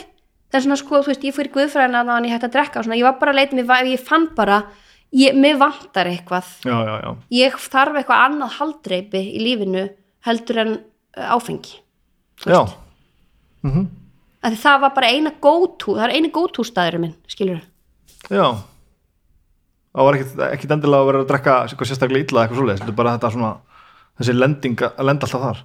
Já, já, og fyrir viki var ég að drekka illa út af því að ég var að drekka mikið og of oft og mér leið illa og ég var kvíðin og þú veist, ég var búin að lög ég var bara svona, mér leið, þú veist, áðan ég hætti að drekka þá var bara, þú veist, svona svo það var svona svo, heimur minn var eitt fermetr Já, þú veist, og ég væri bara, ég gæti einhvern veginn ekki hreift mig innan hans, þú veist, ég var bara svo klemt einhvern veginn en bransin alveg hann, hann, hann er nú ekki að letja svona. Nei, það er, alveg, er það ekki ennþá svolítið það er alveg, það er alveg samt þegar maður fyrir út úr því þá finn ég ekkert fyrir því, sko. Nei, já, já, einmitt, maður kannski einmitt bara þegar maður er sjálfur þá já, Já. þess vegna var líka svo klöða því að síðan ég, ég ákvað, þú veist ég, að mitt að ég bara, ég var enda búin að taka einhverja pásur og eitthvað svona. En þegar ég ákvað bara ég ætla aldrei að drekka aftur bara, þú veist, hef guðrófar eða það er mín ákvörn allavega í dag ég, ég bara, ég ætla aldrei að drekka aftur. Mhm. að það var svona frels í því. Já, einmitt. Þá getur maður bara lokað þessari Slepptu svo bara Hætta að hugsa um þetta. Já, og þá er líka er fólk hætt að svona eitthvað hvað segir, hvað er langa pásu eða viltu ekki fá þér einn eða skilur þá er ekkert er alltaf verið að banka því maður er bara búin að skella í lás og ég finn ekkert fyrir þessu eða þú veist, jú, jú, mann er sjálfnar og svona. En þú veist, ég finn annars ekkert þú veist, fyrir því. En það er nú örugglega líka tíðarandinn sko, að því að þú veist, ég er alls ekki hættur að drekka. Mér finnst mjög gaman að drekka. Já. en það er ekki lengur sko svona ofbóðslega skrítið að einhver drekk ekki. Nei, þú veist, þú ert ekki lengur geimveran sem þú varst bara, já, nei, nei, nei, nei, og nei. a, a. Já, þú veist, já. það, það var svona eitthvað neð, þú veist, hvað að tippla, sko, nú er Já, það já. bara svo algengt og almennt og eðlilegt, ég það er alltaf ekkert eðlilegt við það að vera fullur allar helgar, sko spila með ljótu hálfutunum og græna hattinum og vera bara að koma heim bara eins og maður verið sko, settur í súrtunnu sko. en þú veist, þetta henda mér ágætlega mér líður vel að mér finnst þetta gaman þetta er svona aðeins og erfið eftir sem maður eldist en mér finnst þetta frábært sko, og, og líður bara mjög vel í eigin skinni með Já. þetta saman sko. en þetta er, þú veist og það er bara menn í ljótu hálfutunum sem bara drekki ekki neitt sko. Og það er bara ekkert issue sko. Nei. Og menn er með að segja, þú veist, tólbóra og ekki og bara hitt og þetta, Já, já, og allur nákvæmlega. skalinn sko. Já. en það er ekki þessi að því maður, þetta er ekki langt síðan. Það var bara, já, þurft hún að hætta já. Já, einmitt, veist. það, það og er þá var þetta bara einhver sjúklingur sko, og bara svo, þetta var svona eitthvað ástand sem verður að taka til til. Já, einmitt, þú kvíslaði Já. kringum hann þannig að þetta er ekki náttúrulega fyrirgefðu, opna Já, já. er, fyrirgefðu. Er, er þér saman er þið saman, já, já já, nákvæmlega. Það er alveg, rétt, þetta er miklu almennara og maður finnur það að því að líka ungt fólk er með bara að taka svo ákvæmlega bara nei, ég ætla ekki að drekka og, já, og ég held að það séu nú líka með góðu áhrifum frá félagsmyndstöðunum sko. já, já, að þú veist, Já. það er bara svona verið að sína þeim fram að bara, þú getur líka bara sleppt þessu. Já, okkur var sagt bara, ekki drekka. Já. Og þá var maður bara, hm, ég ætla að ég drekka. að gera annað? Hvað á ég að gera Já, því, og ég þakka alveg Guði fyrir það að veist, þetta var, það var ógislega gaman þegar, veist, ég, ég hafði þú veist, þetta er svo mikla þörf fyrir þetta mm. að það var, mér leittist svo eða, þú veist, já, að þetta var algjört haldreipi, svo náttúrulega bara hættir það að virka þú Mhm. já, veist og Já. ég fann það alveg, þú veist, og svo var ég náttúrulega já, að hérna svo er ég náttúrulega líka orðin móðir og, og það, þú veist, og já, því ég held að það að verða móðir myndi líka bara, ég myndi þá bara hætta að drekka eða skilur, myndi bara hætta að djama og það verði ekkert eitthvað. Svo bara var ég bara ennþá með þessa löngun í að, þú veist þó ég ætti bara, og ég bara langaði bara út og langaði, þurfti bara að komast burt þurfti bara að komast eitthvað, bara þú veist, gleyma mér og sleppa bara að finna eitthvað stað þar sem ég bara, uh, einhvern veginn. Og, og ég fann hann ekki. Þannig að, þú veist, þetta var, þetta var svona klemma en svo þegar þú ákvast að hætta var það bara var það þá bara þessi ákvörðun og þá Já, það var auðvitað, þú veist þurfti að taka smá svona botn og Mm. og og uh, en það var magnað sko að fá svona bara viðspinnu frá botninum og því það var bara það var bara, já, það var svona einmitt ég er við stjórnmenn, skilur, ég er nú, nú tek ég bara við stýrinu. Mhm.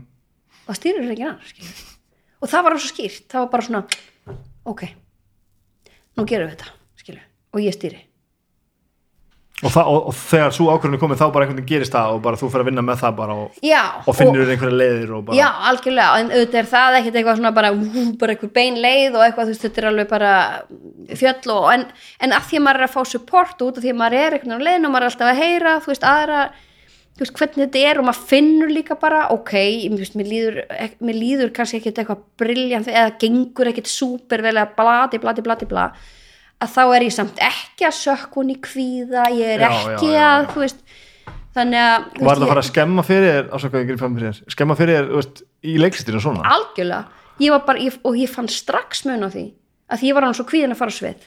Og ég var bara, ok, ég ætla bara æ, þú veist, ég fæm bara bjóra eftir og þú veist tek það bara hverju er þetta allt saman. Allir þessu hnútur og allt þetta. Og, og það var svo, það var orðið svo, líka svo að svo, og ég fann það, hvað hafði mikil áhrif á mig já, að ég var hann svo meðvitið um hvað áhörundur var að hugsa um mig. Já, já, veist, já, að ég var bara ekkert góð leikona skilur, eða þú veist, ég var ekkert að gleyma ég var ekkert í mínu elementi. Og það var svona þegar ég hætti og ég var einmitt að sína leiksýningu og þú veist, það var bara svo skýrt að ég bara, mér er svo skýt sama hvað öðrum finnst. Ég er að gera þetta fyrir mig og gerist þetta hratt, þessi breyting? Já, mjög hratt.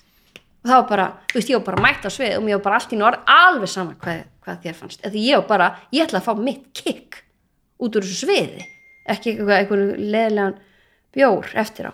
Sem er þá bara eitthvað svipað og þá upplýðir þegar þú varst að byrja að leika þú veist, það, hefur já, bara varst ástæðan fyrir því að ég var að því ég var að fá kikk út í já, já, þannig byrjaði þetta náttúrulega. Já. Svo það bara orðið eitthvað svona rútína og maður bara einhvern veginn að fá þú veist, meira kikk út úr ykkur öðru sko. mm þannig að já, það var bara, það var bara svona viku breyting bara viðhórsbreyting sem var strax einhvern veginn þetta eitthvað í hendur við að, þetta með, með stjórnmálin. Ertu eitthvað, veist, finna eitthvað nýtt þar og að prófa eitthvað nýtt og eitthvað svoleiðis?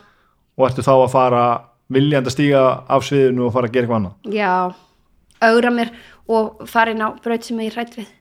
Og það var þannig. Já. já ok, ok. Og hvað, við hvað varstu hrætt? bara þetta er allt eitthvað svo, þú veist, allt þetta allir þessi stjórnmál, þetta er með allt á hreinu og eitthvað svona og, og, já, og vera tekin alvarlega já, já. Það var líka það var svona að því það líka fólk tók mig ekkert alvarlega skilur þú? já, að það var ekkert eitthvað bara eitthvað í hausnum og mér eitthvað, fólk, fólk tók mig, ég þurfti að, að berjast fyrir því, að ég vildi vera tekin alvarlega.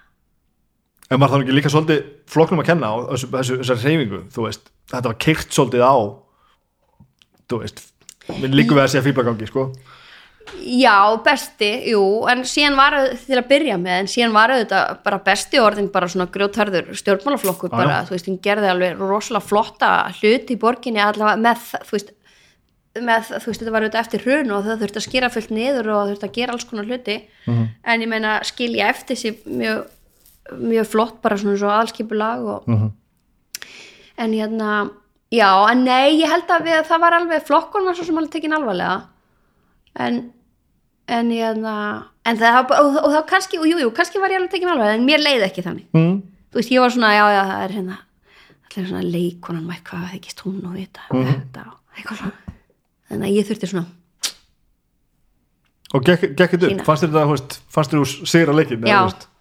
já, og, og þá hvað, var þetta bara búið að þú gast hægt í stjórnmálum sko ég var alveg farin að það, það, þú veist, það kýtlaði mig alveg að halda áfram og það kýtlaði mig alveg ennþá að fara ekkert fyrir aftur í þetta. En hérna, en ég var samt líka bara eh, ég var ekki alveg tilbúin af því að þá var ég svo mikið komin út í pólitík skilur já, já, já, og ég var ekki, ég slefti aldrei leikilsteini veist, ég var náttúrulega leikaðan í ófærð á þessum tíma og, og ég var eitthvað aðeins í leikhúsinu. Þannig að ég var ekki alveg tilbúin að þú veist, ég var fann að sakna sviðsins svolítið. Mm að það er alltaf, því það er svolítið þetta kikk sko sem hún tala um á, en þú veist ekki þetta þú veist alltaf að vera í svona sjónvastáttum þú færði aldrei, aldrei þetta þú veist, samband sko. Nei. En hérna já, þannig að já, ég, ég var ekki alveg tilbúin að verða bara pólitíkus. En getur gert þetta aftur einhvern tíðan já, Sér það fyrir já, já. Það er svolítið magnað sko. Þetta er svolítið, þetta er svolítið svona Sitt hvort hluturinn sko. Já. Ég held bara uh, það, það mér fannst svolítið gaman að sko bæði líka það að hérna uh, ég fekk svo góða hlustun eða skilur, ég, ég líka svona ég man alveg eftir því að það var svona tilfinning bara það eru allir að hlusta á það sem ég er að segja verður að standa þig. Skilur það var bara allir að hlusta og bara skrifa niður, skilur það sem ég var að segja. Já, þetta er mikið power. Þú hefur bara eitthvað að segja og meinar það og Já. það er bara að vera að taka marka það er verið að taka marka Já, og ég fann það líka alveg, því ég var náttúrulega líka bara rosalega ofta að tala um bara sem skipti mig miklu máli.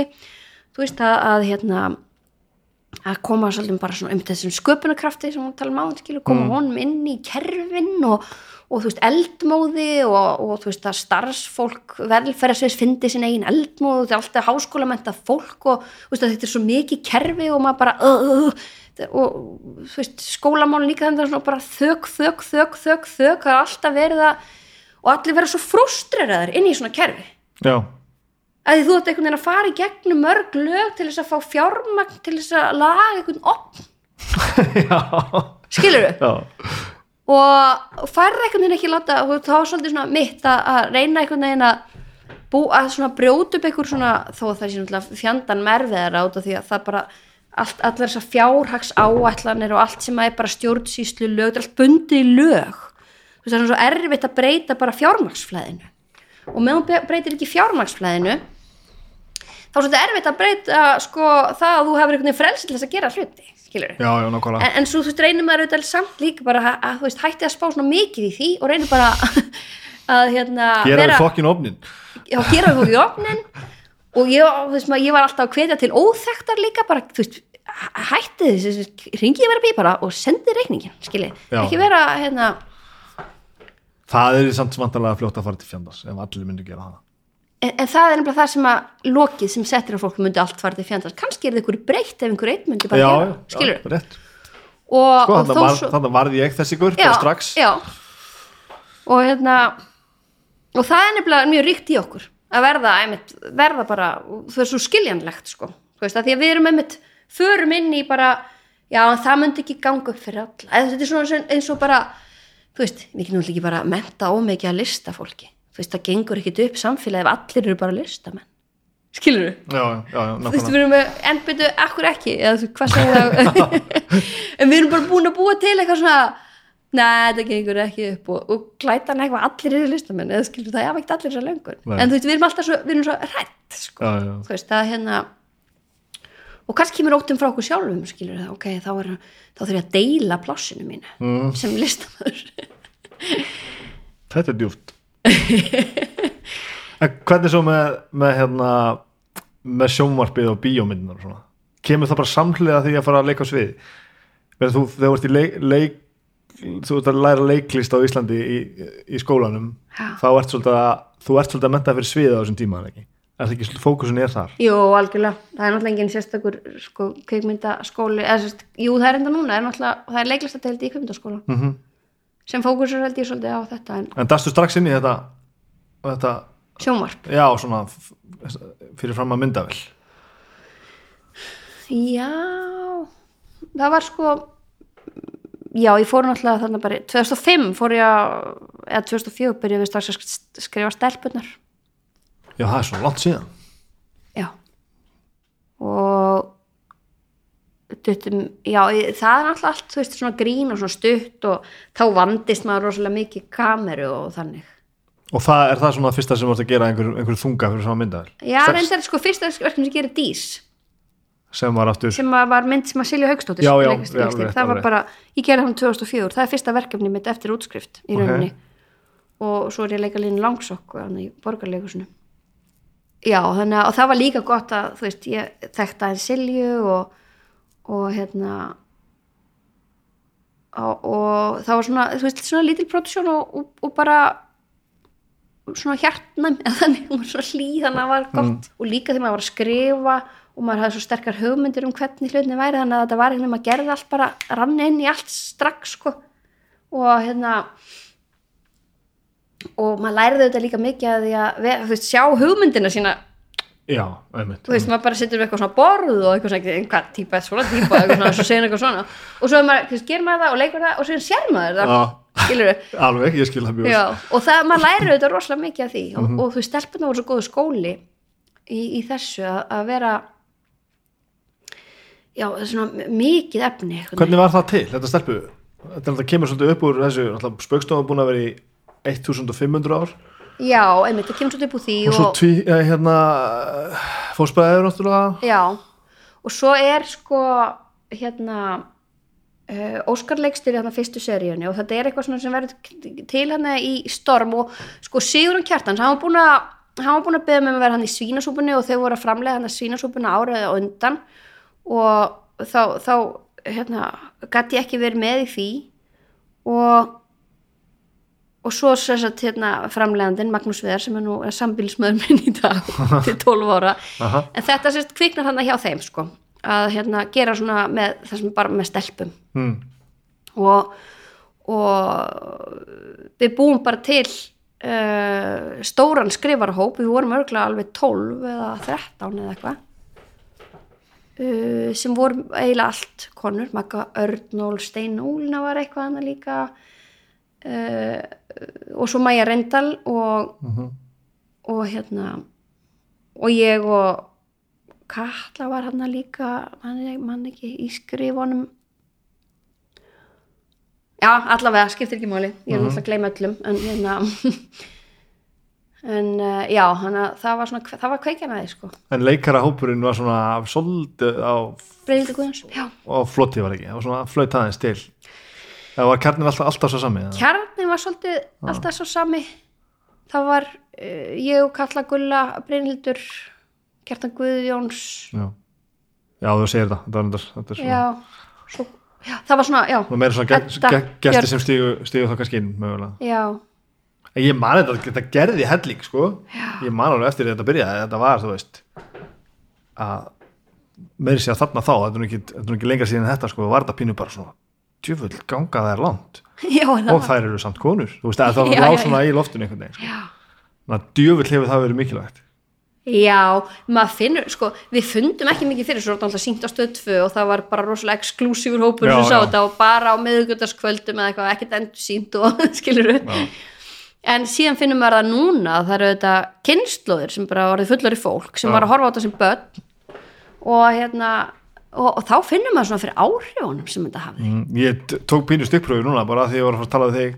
Þetta eldist dörrullu vel sko. Já, einmitt. það er hansi gaman að sjá það. Það er alveg, þú veist, það er einhver svona það er einhver þráður í þessu sem er bara Já. þetta er svo beinskitt sko. Já, það er svo lítið þetta sem getur orðið hallarslegt af því að grínið er svo beinskitt. Já. Skilur við hvað er að fara Já, já, ég skilji, já, nákvæmlega. Einmitt verður svona tímalust að þetta er bara eitthvað svona já, stundum þetta bara rugg og það einhvern veginn eldist svo vel sko. mm -hmm. þú þarft ekki einhvern veginn ha. Nei. þetta er ekki tveir tómatar að labba í göttu, sko. það er ekkert svona að setjast á tegnibólu sko. þannig að þetta er svona einhvern veginn, virðist ekkert einmitt já þetta var alveg þetta var alveg ótrúlega gaman og það er líka svolítið hérna, þú veist að setjast niður svona sketsaskrif og við vorum alltaf sko gerum það svolítið saman, vorum að hittast tvö, þrjú í hóp og svona. Og svo, svo fyndið maður dettur í svona þá fer maður að sjá allt sem skets. Maður er alltaf bara, þetta er skets, þetta er skets. Að því að meðan maður ekki í þessu, þá sér maður ekkert svona. Og þá maður bara, hvernig dætt mér allir þessi sketsir í hug, en leið maður byrjar fer inn í flæði, þá maður alltaf bara þetta, var fyndið, þetta var skrifa þetta, þetta er hugmynd, þá er bara þá er bara eins og kveikt á, sko hérna, er bara opiðin í herbyrgið, sko. og var þetta alltaf gaman, var þetta að gera þetta endalust Nei Svo var þetta kláraðast þetta alveg og við gerum aðra seríu núna 2013 eða eitthvað er það bara tvær Seríuna? Já. Nei, nei, nei, þær eru þetta eru sko þetta eru 60 og eitthvað þætt eða sko hver serið voru fjórar eða fimm seríur já, þannig að það voru nokkar serið þarna fyrst já, svo meinar svo gerir þið aðra núna setna Já, Það það, já, já, já. já, já. og hérna, já, einmitt, við gerum bara hérna já, sem að var svona mann er leiðpínu sem að væri eitthvað svona, með eitthvað comeback og það er eitthvað svona skrítið og ekki alveg að fyndin um að var og þetta var svona svo að eitthvað- reyna að gera Já, það sem svona hann var að gera já. það er alltaf pínu riski sko. Já, og maður vill ekki gera það. En svo ennþá fólk alltaf að beða ekki komið aðra stelpuseri, ekki fleiri stelpur. Það var nú frábært að gera svona smá stelpuseri núna og eitthvað og maður svona "Ah, veit það ekki og festustu þá þetta strax í því að vilja skrifa og þú veist einhvern veginn vera með puttra í handriti og svo leiðis að þú veist að lýsa þessu á já, hana þú veist, já. fá, fá hugmynd og sjá hana vera til og já, já, svo, svo gerum við ástriða seríuna hérna stötu setna djöfull var það gott stöf maður. já, takk fyrir það og það var svolítið svona eh, hérna átti einmitt að vera bara við byrjuðum hérna ég og Sigurjón og feist svona fabúlera með þetta. Hvernig, hvernig þetta geti, þú veist, átti að vera svona um þessa konu sko, mm. sem væri svona fish out of water. Og vinkona mín hafði verið að þetta var alltaf geðveikinni sko. Já, og, og allir voru að vinna í banka alveg saman hvað voru mentaðir vinkon minn sem að var með eðlisfræðingur var í, að vinna í áttustýringu í, í, í kaupþingi eða eitthvað svona. Já, og hún var svo mikið fish out of water hún var bara einhvern veginn að detta þannig úr einhverju doktorsnámi í Finnlandi beinti inn í eitthvað svona kampaðins en það var svona svolítið svona það var svona grunnpælingin. Þetta druknaði samt ekkert í því þú veist, þetta var ekki bara um það. Nei, þetta átti svolítið að vera það en svo bara, svo náttúrulega bara skrifa þetta sér svolítið frá því. Já, það gerði það sko. Já þú hefur þá sömu tilfinningu að því ég, Já, var, ég var að fara að segja nákvæmlega þetta. Já, þetta hefur einhvern svona þennan grunn já, og það, mér líður svona svolítið eins og hafi verið pínu gott sko að þetta fekk frelsið frá því sko. Það var það. Af því það hafði það heldur ekki elst vel fattaru Nei, og ég man líka að síðan þegar hún var sínd sýningin, nei hérna serían þá, þá, þá var alltaf hrunið yfirstæðið og þá var þetta orðið svolítið deytið og þá hafði framleginn svo ágjur að því. Þess vegna er sko fyrsta serían mert hún er mert eitthvað svona uh, júni 2007 til þess að segja sko, þetta var sko tekið fyrir hrun. Við, við erum ekki að, að fylgja þessum strökk þetta á ekki við í dag en uh, þú veist, núna er þetta algjör óþarfi en þegar var, þú veist, þá var kannski en mér fannst galdurinn þar var einhvern veginn það var bara kannski að lesa allt og mikið í þetta. Það var bara svo mikið alvarlegt undir sko. Mm, að ég, maður fann alveg til með þetta er, bara, þetta er sama elementum með office sko. Mm, þú veist, fíblagangurinn er alger já, en þungin í karakterunum er líka alger sko. Já, já, Þannig að þú farið alveg fulla sympatíu sko, sem er svolítið magnað sko. já. Já, gaman að heyra það. Varstu, sér þetta kannski ekki eins? Ég veit það ekki, mér finnst eitthvað svo erfitt nei, þú veist, þetta ekki ég, held ég hef ég hef bara einu sinni hort á þetta sko þegar þetta var sínt og svo að ég hef ekki séð þetta mjög lengi sko. Kannski er þetta bara Nei, ef þetta er sem þú skilur eftir, við skulum halda því, ekki Já, breyta, ekki breyta. þetta höfum þetta, það er frábært sko. En er það almennt þannig, Hor, horfir eða sérst áttu ekki gott með það Nei, já, ekki gott með það. Nei, Og, en sé stundum því dett inn í eitthvað svona, þú veist, eins og að vera sína stelpunar og, stöð þrjú eða eitthvað svona. Já. Þá er, finnst mér alveg skemmtilegt, djöfið, þá fæ ég alveg svona, ég vil þetta skemmtilegt, ég er góð, eitthvað svona, Já. skilur, þannig að það er ekki eins og ég sé eitthvað laus og eitthvað ego inn í því. En ég meina, ég hef ekkert sínt krökkunum mín, ég held að dóttir mín sé ekki búin að sjá ástriði, ég hef ekkert Já, einhvern ok. veginn, mér finnst líka eitthvað skrítið að Æ, þú veist, það er eitthvað skrítið að kveikja á sjálfum sér, þú veist, alltaf dett inn og ég get alveg Já. verið ánað, ég get alveg verið sátt við mig, sko, en, já, en já. ég hef ekki þörf fyrir að, Dóttir mín fimm ára alltaf dætt í hug sko að fara að hérna, byggja um að hlusta á skálmöld. Já, Ég hlusta ekki mikið á skálmöld sko. nei, og ég er svona, eitthvað neitt svona, svona ok, eitthvað, þú veist, svo sendur maður þetta á sko og ég fegi einmitt, einmitt sömu tilfinningu svona, þetta komið á og bara svona, herru, þetta er nú bara þetta er svolítið gott þetta er bara drullu gott. Þetta er bara, og það er líka góð tilfinning. Já, það er frábært, að því að ég held að ástæðan fyrir maður gerir þetta ekki er hinn tilfinning, eða maður er, maður er hrættur við að fá svona bara oh, Já, en líka bara svona eitthvað að ég vá hvað ég er eitthvað glataður alltaf bara að fara að hlusta sjálfa mig sko. já, já, já. Veist bara, það er fullt af öðru hljómsýtum ég ætla bara, ég er búin að ákvaða að ég sé bestur já, ég ætla bara að hlusta sjálf á mig. Það er kannski mögulega það sko. En einmitt. Já, ég að vona samt að maður sé ekki óanað með það sem maður gerir sko. nei, ég held að kannski er það bara í grunnum það maður er svo ánað með það, maður þæfur enga þörf fyrir að horfa það. já, ég held að þetta sé ekki svona einfalt það er góð, þetta er góð kenning já, sko. það er góð kenning. Varst að segja að Lína hefur fyrsta sem hún leggst á sviði eftir að komst og, já, já, já, já, djú, lítið núna að fylgja þér þá, Lína? Já. en ég var einmitt, ég var sonum minn er sex ára, við vorum að hlusta á plötunni í fyrst skipti bara í síðustu viku. Já, ok. Það, það er búin hlust oftar hann hér, ég lofa þér því. Já, það veist mér ekki gaman að hlusta þessi línu plata sko. Nei, Æ, nei, það var eitthvað. Já, þú veist Þetta, þetta er e e ekkert slæmt sko nei Það er bara svona, minnst mér svo rosalega langt síðan og... Já, það er þess vegna, ekki kannski hvernig platan er eða? Leikurs fer nú ekki alltaf vel á plötum sko. Nei, nei, ég, nei, nei Það er líka það sko, minnst ég alveg rosa Sundum alveg bara rosalega eitthvað tjúnuð sko Já, þetta fyrir 200 hvað, hvað þú ert að gera. Já. já, já. Ef, þú mátt einhvern tíma vera tjúnu þá máttu samt vera tjúnu lína langsokkur held ég sko. Já, já, já. Nei, svo, var, þetta var reynda tekið upp mjög hrátt þetta var tekið upp bara einhvern veginn á eftirmiddegi og Mm. þetta áttu þetta bara að vera lögin sko, þetta var gerfuglandir þeir vildu eiga lögin og útgáðunar og, og svo svona smelt inn sögu. Þannig að þetta var svona, Já, já, þetta var ekki mjög vönduð uh, hérna, en þetta er búið að, þú veist og ég skrifandir, þú veist, ég vildi fá einhvern smá part af þú veist, sölun ég man ekki eitthvað, eitthvað, eitthvað smottir í. Og hérna þannig að ég fæ alltaf eitthvað svona 80 skall ári eða eitthvað. Já, ok. Því, það er ekki svo mikið. Það er ekki svo mikið. Ég man ekki eftir mér hræri vel einu sinni. Það kostaði 27 Hræri vil hennar línu. Já, það er alltaf þannig. Ég dreif hana fram. Hvernig upplifið þú svo þess að þetta ófæraðar brjálaði? Upplifið þú þetta sem þetta brjálaði? Nei, Nei. Ég mitt sko að því maður minn er framleiðandi að þessari serju mm og hérna og hann alltaf, þú veist ekki hvað af henni stóri útlega eitthvað svona skilur ég bara eh, alls ekki upplifi ég neitt af þessu sko. Nei, en hérna heima? Nei.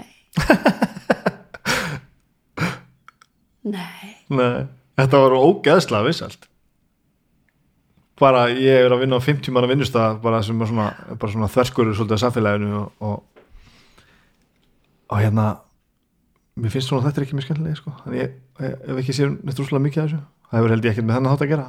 En, en ég hef bara ekki með í kaffivélina sko. nei, mitt ég sá hana nú eitthvað samt sko, tekkaði nú svona að þessu að því ég vil bara vita hvað er að gerast. Já, já, og margt mjög, náttúrulega, augljóslega frábært sko, en ég bara, ég festist ekkert við svona þetta ég skil þetta ekki. Mér finnst Nei. alltaf eins og einhver annars ég er búin að ákveða eitthvað fyrir mig og, og það skiptir mig ekki öllum máli hvað, hvað honum finnst. Þetta er ógeðslega skemmtilegir já. Og þú veist, mér þykir mjög vænt um óferð og, og alla þessa framleiðslu og svona og að því að þetta er alveg svolítið og, og það að því að það er náða þetta snýst ekki endilega um sakamálin líka bara um kemistriðun og melli fólksins já, og allt það er þetta það sem ég nefnt að, að já, horfa á sko. já. og þess vegna er hún fyrst, og, og mér þykir mjög vænt um samböndin í þessari serju ég man þegar, þegar ég horfa á þarna fyrst að þá fannst mér lígilegt að sambandið myndi þín og Darra já, að það sko gengi upp það var Já. svona eiginlega fyrsta skipti í íslensku sjónvarpi sem ég sá svona samband ganga upp sko. Já, já. og það, það er bara í alveg skotelt sko. Og Já. það er, er bísna er að sjá það. það er er nefnilega- það líka bara það er nefnilega sér sem, sko. sko, sem sjálfsögum hlut. En það er algjörlega, einmitt, það er algjörlega kemistrið sem gengur bara upp og ég pæla ekkert í því.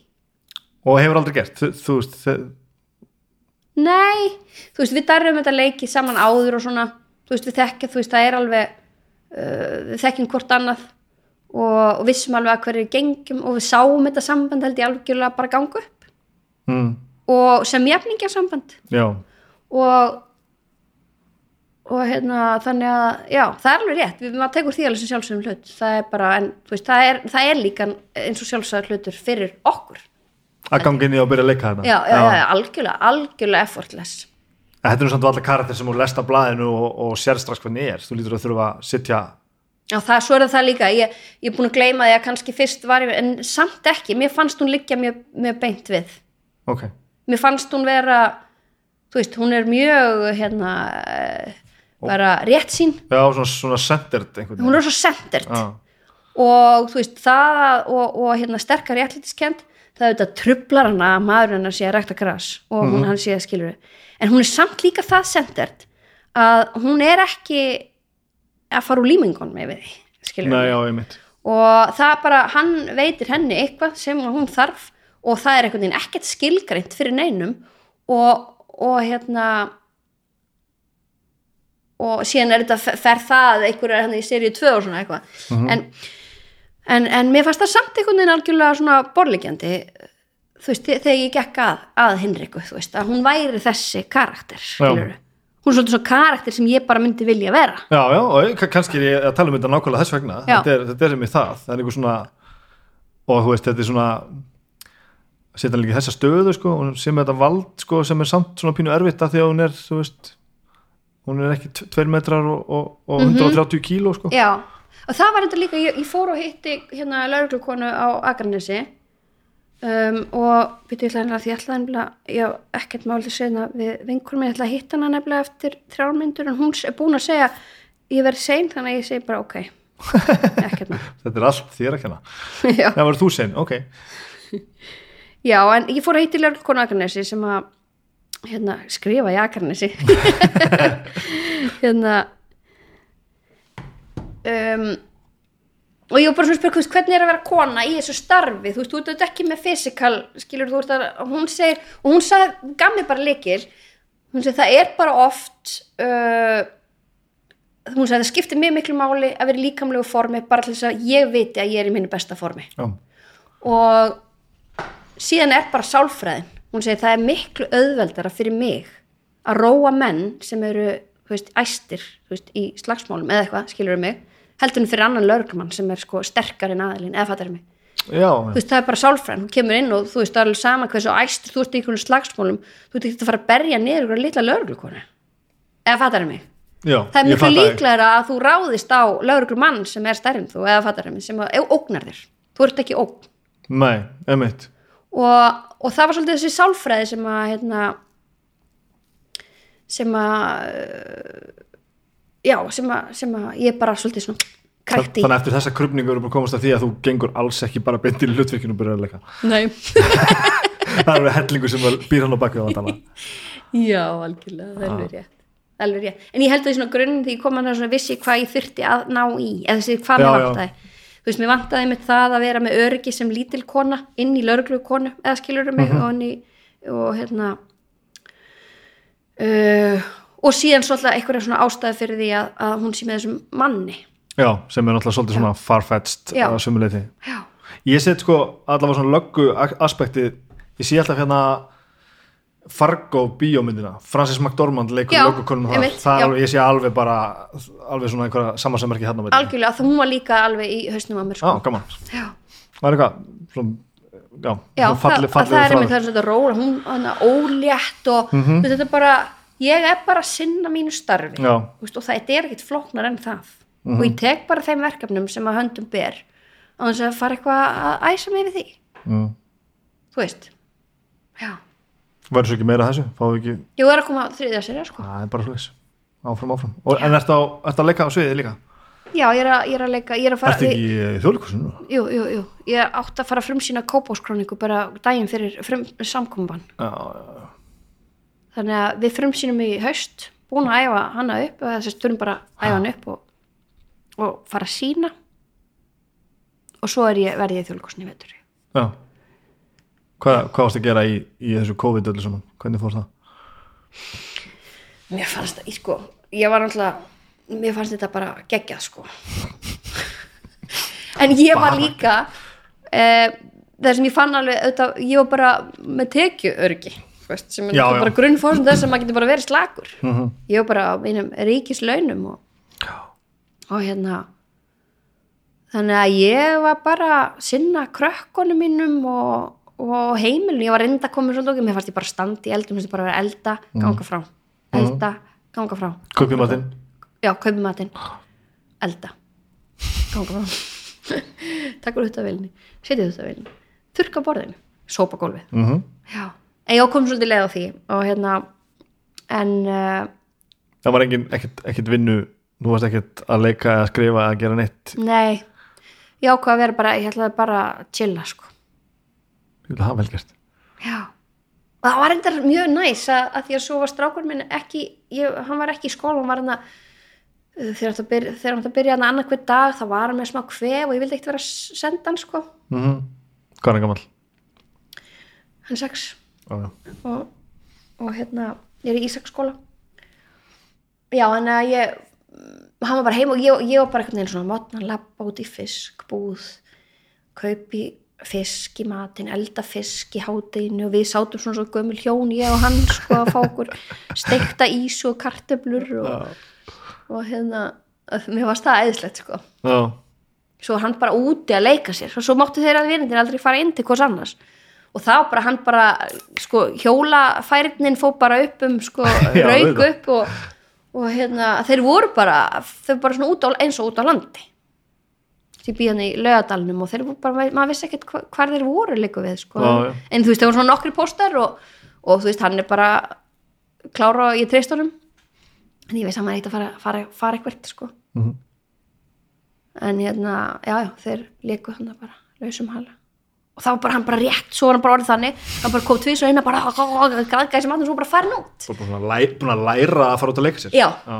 basically, Það er svolítið magnað. Já og það var þetta, sko, þeir máttu ekki fara inn til hvað annars, þá bara þurftu þeir úti bara í öllum veðrum. Svo var þeir stundum bara að stelast inn í bílinn minn. Hanga bara, hanga, sex ára. Já. Það er vel gert. Jú, Það er gott, já. Mjög gott. Hversu, krónikan og hvað? Í þjóðleikusinu, Já. það er svona aðeins að skýrst Mm. En þetta heldur svona cirka áfram starfið sem að, sem að var þar í gangi? Já, já, Já. það er alltaf fullu þar, sko. Magnús Geir tekið með og Já. Og þú bara nennir að fara alltaf upp á sviðið að fara með sama sumurulluna aftur fyrir nýtt fólk? Ég er svolítið spennt að sína kópaskróningu. Það var líka, það er svolítið mitt svona verkefni á okkar selju, við fórum með það til Ara Matt á sínum tíma og, og hérna vildum gera leikjarð upp á bókinni. Mm -hmm. og, og uh, hann stutt okkur í því og fjármagnaði það eða fjólugossi og þannig að það er svona, einmitt, ég, ég, ég gerir leikina með Silju, hún leikstyrir og, og þannig að það er svona svolítið, maður á svolítið í því Já, já, þú vilt það svolítið? Já, ég vil það, já, ég meina auðvitað, þetta er svona, maður vill auðvitað hafa eitthvað með það að segja hvað maður er að segja. Já, ég meina, það er sumir. Já, nei, nei, kannski ekki. En já, það, það er algjörlega þannig, Mm. það er algjörlega þannig. ég fæ rosalega mikið leið á hinu þess vegna, þú veist, þess vegna kongu við fræðin það kom eða líka, þú veist, Já, þetta já, var bara já, svona ég hef alltaf þörf fyrir að stíga út og ég hef alveg svona grunum að næsta vor þá verði ég orðin svolítið þreytt. Og ég fyrir að gera eitthvað annað næsta haust og sérðu það fyrir að þú bara þróist þá bara í eitthvað annað þegar, þegar þú eldist? Nei, ég held ég verði alltaf hlutur að leika en, já, en kannski þú veist að fara að leikstýra meira eða eitthvað svoleiðis eða, sko ég, ég, ég veit ekki með leikstjórn. Ég var veginn að hugsa, já, ok, að því maður líka svona kannski, já, ok, þú ert ekki að leika og ætla samt að halda einhvern veginn áfram, þá fyrir að leikstýra en ég hef ekkert þörf fyrir það. Þrátt fyrir að vera svona frekk, ég en ef ég er í leikúsinu, þá vil ég samt vera sögumæðurinn já ég skil ekki já, já, já, já. veist, ég vil fre, veist, ég vil vera á sviðinu ég vil þá frekar einmitt eins og svona ég vil vera, taka þú veist, svona bara, mér langar að gera þetta Mm. og ég vil segja það svona og þú veist, ég vil vera með þessa mannski með mér í að, Já, já, leikstýra já, því já. af því að þú veist, við getum átt samtal eða skilur, það er auðvitað svona drauma og, en, en hérna og ég er alveg ég er, ég er mjög oft í draumaverkefnum í leikúsinu Mm. svolítið að því að byrja til sjálf kannski líka? Nei, ekkert endilega en kannski út af því að ég uh, ég veit það ekki, kannski bara skýr eða eitthvað hvað hva ég vil gera eða eitthvað, ég veit það ekki. Já, já, Nei, þetta er nú í fyrsta skipti sem að ég í rauninni kem með verk í leikhúsið. Já, ok. Já, ég held það. Já. En ég var alltaf í að pröfa að skrifa fyrir svið. Aldrei gert það? Nei, aldrei ekki já, já, bara svona þessa leikjörð Mhm. Ég væri til í að pröfa það. Og já. Kannski færi bara ritlist í háskóla. Hefur þú farið þangað? Nei, nei, nei, þú bara skrifar. Ég bara skrifa ég þarf rosalega mikið ramma. Ég er ekki, ekki góð í sjálfsaga sko. og ég held ég þurfi svona eins og ég var að tala um Guðfræna og svo akademísku leið aðskilur trúni já, þá, hérna, þá held ég þurfi líka akademíska leið ef Já, ég ætla að fara að sk- skrifa eitthvað sko. já, já. Ég þarf bara tútor. Takk fyrir að spjallaði mig. Ég bara, mér var ánægðin, gaman. Já, það var mjög góðan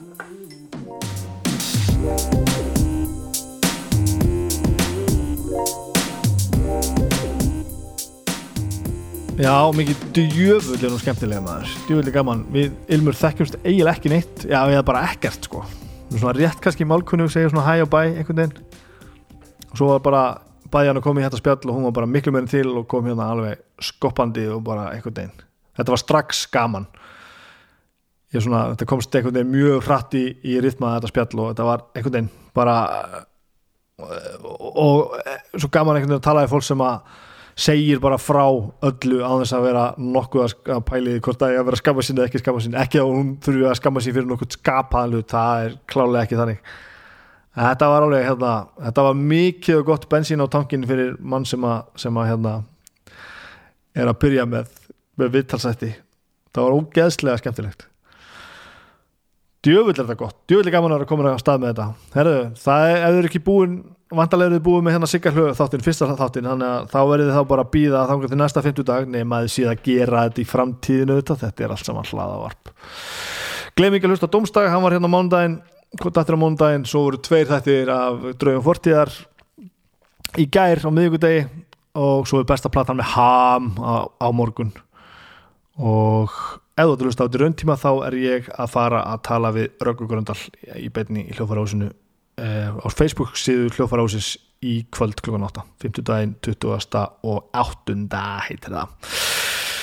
Þannig var nú það. Ég held að, þessi fyrsti dagur eh, Snæbjörn tala við fólk sem bara bara frekar vel hefnaður. Ég er ánægð með þetta djúvillir er ánægð með þetta gott og gaman að vera að byrja þar leiðum mér að heyra frá ykkur hvernig ykkur finnst þetta og eitthvað svona. Það er Facebook síðan sem þarf að finna og það þarf að like allan fjandan og gefa þessu engunur um allar trissur ég er að vona að fenginni reynslu eh, með hlaðvörp. Eh, það er stundur svolítið erfitt að koma sín og alla veitur. Það tekur stundum einhverja daga og einhverja vikur. En þetta ætti þegar að þið hlustið á þetta ætti þetta ná að vera, vera komið inn á allavega Spotify, fjandinn hafið það. En ég renni svolítið blind í sjóun með það akkurat núna. Allavega, takk fyrir að hlusta, djúvill er þetta gott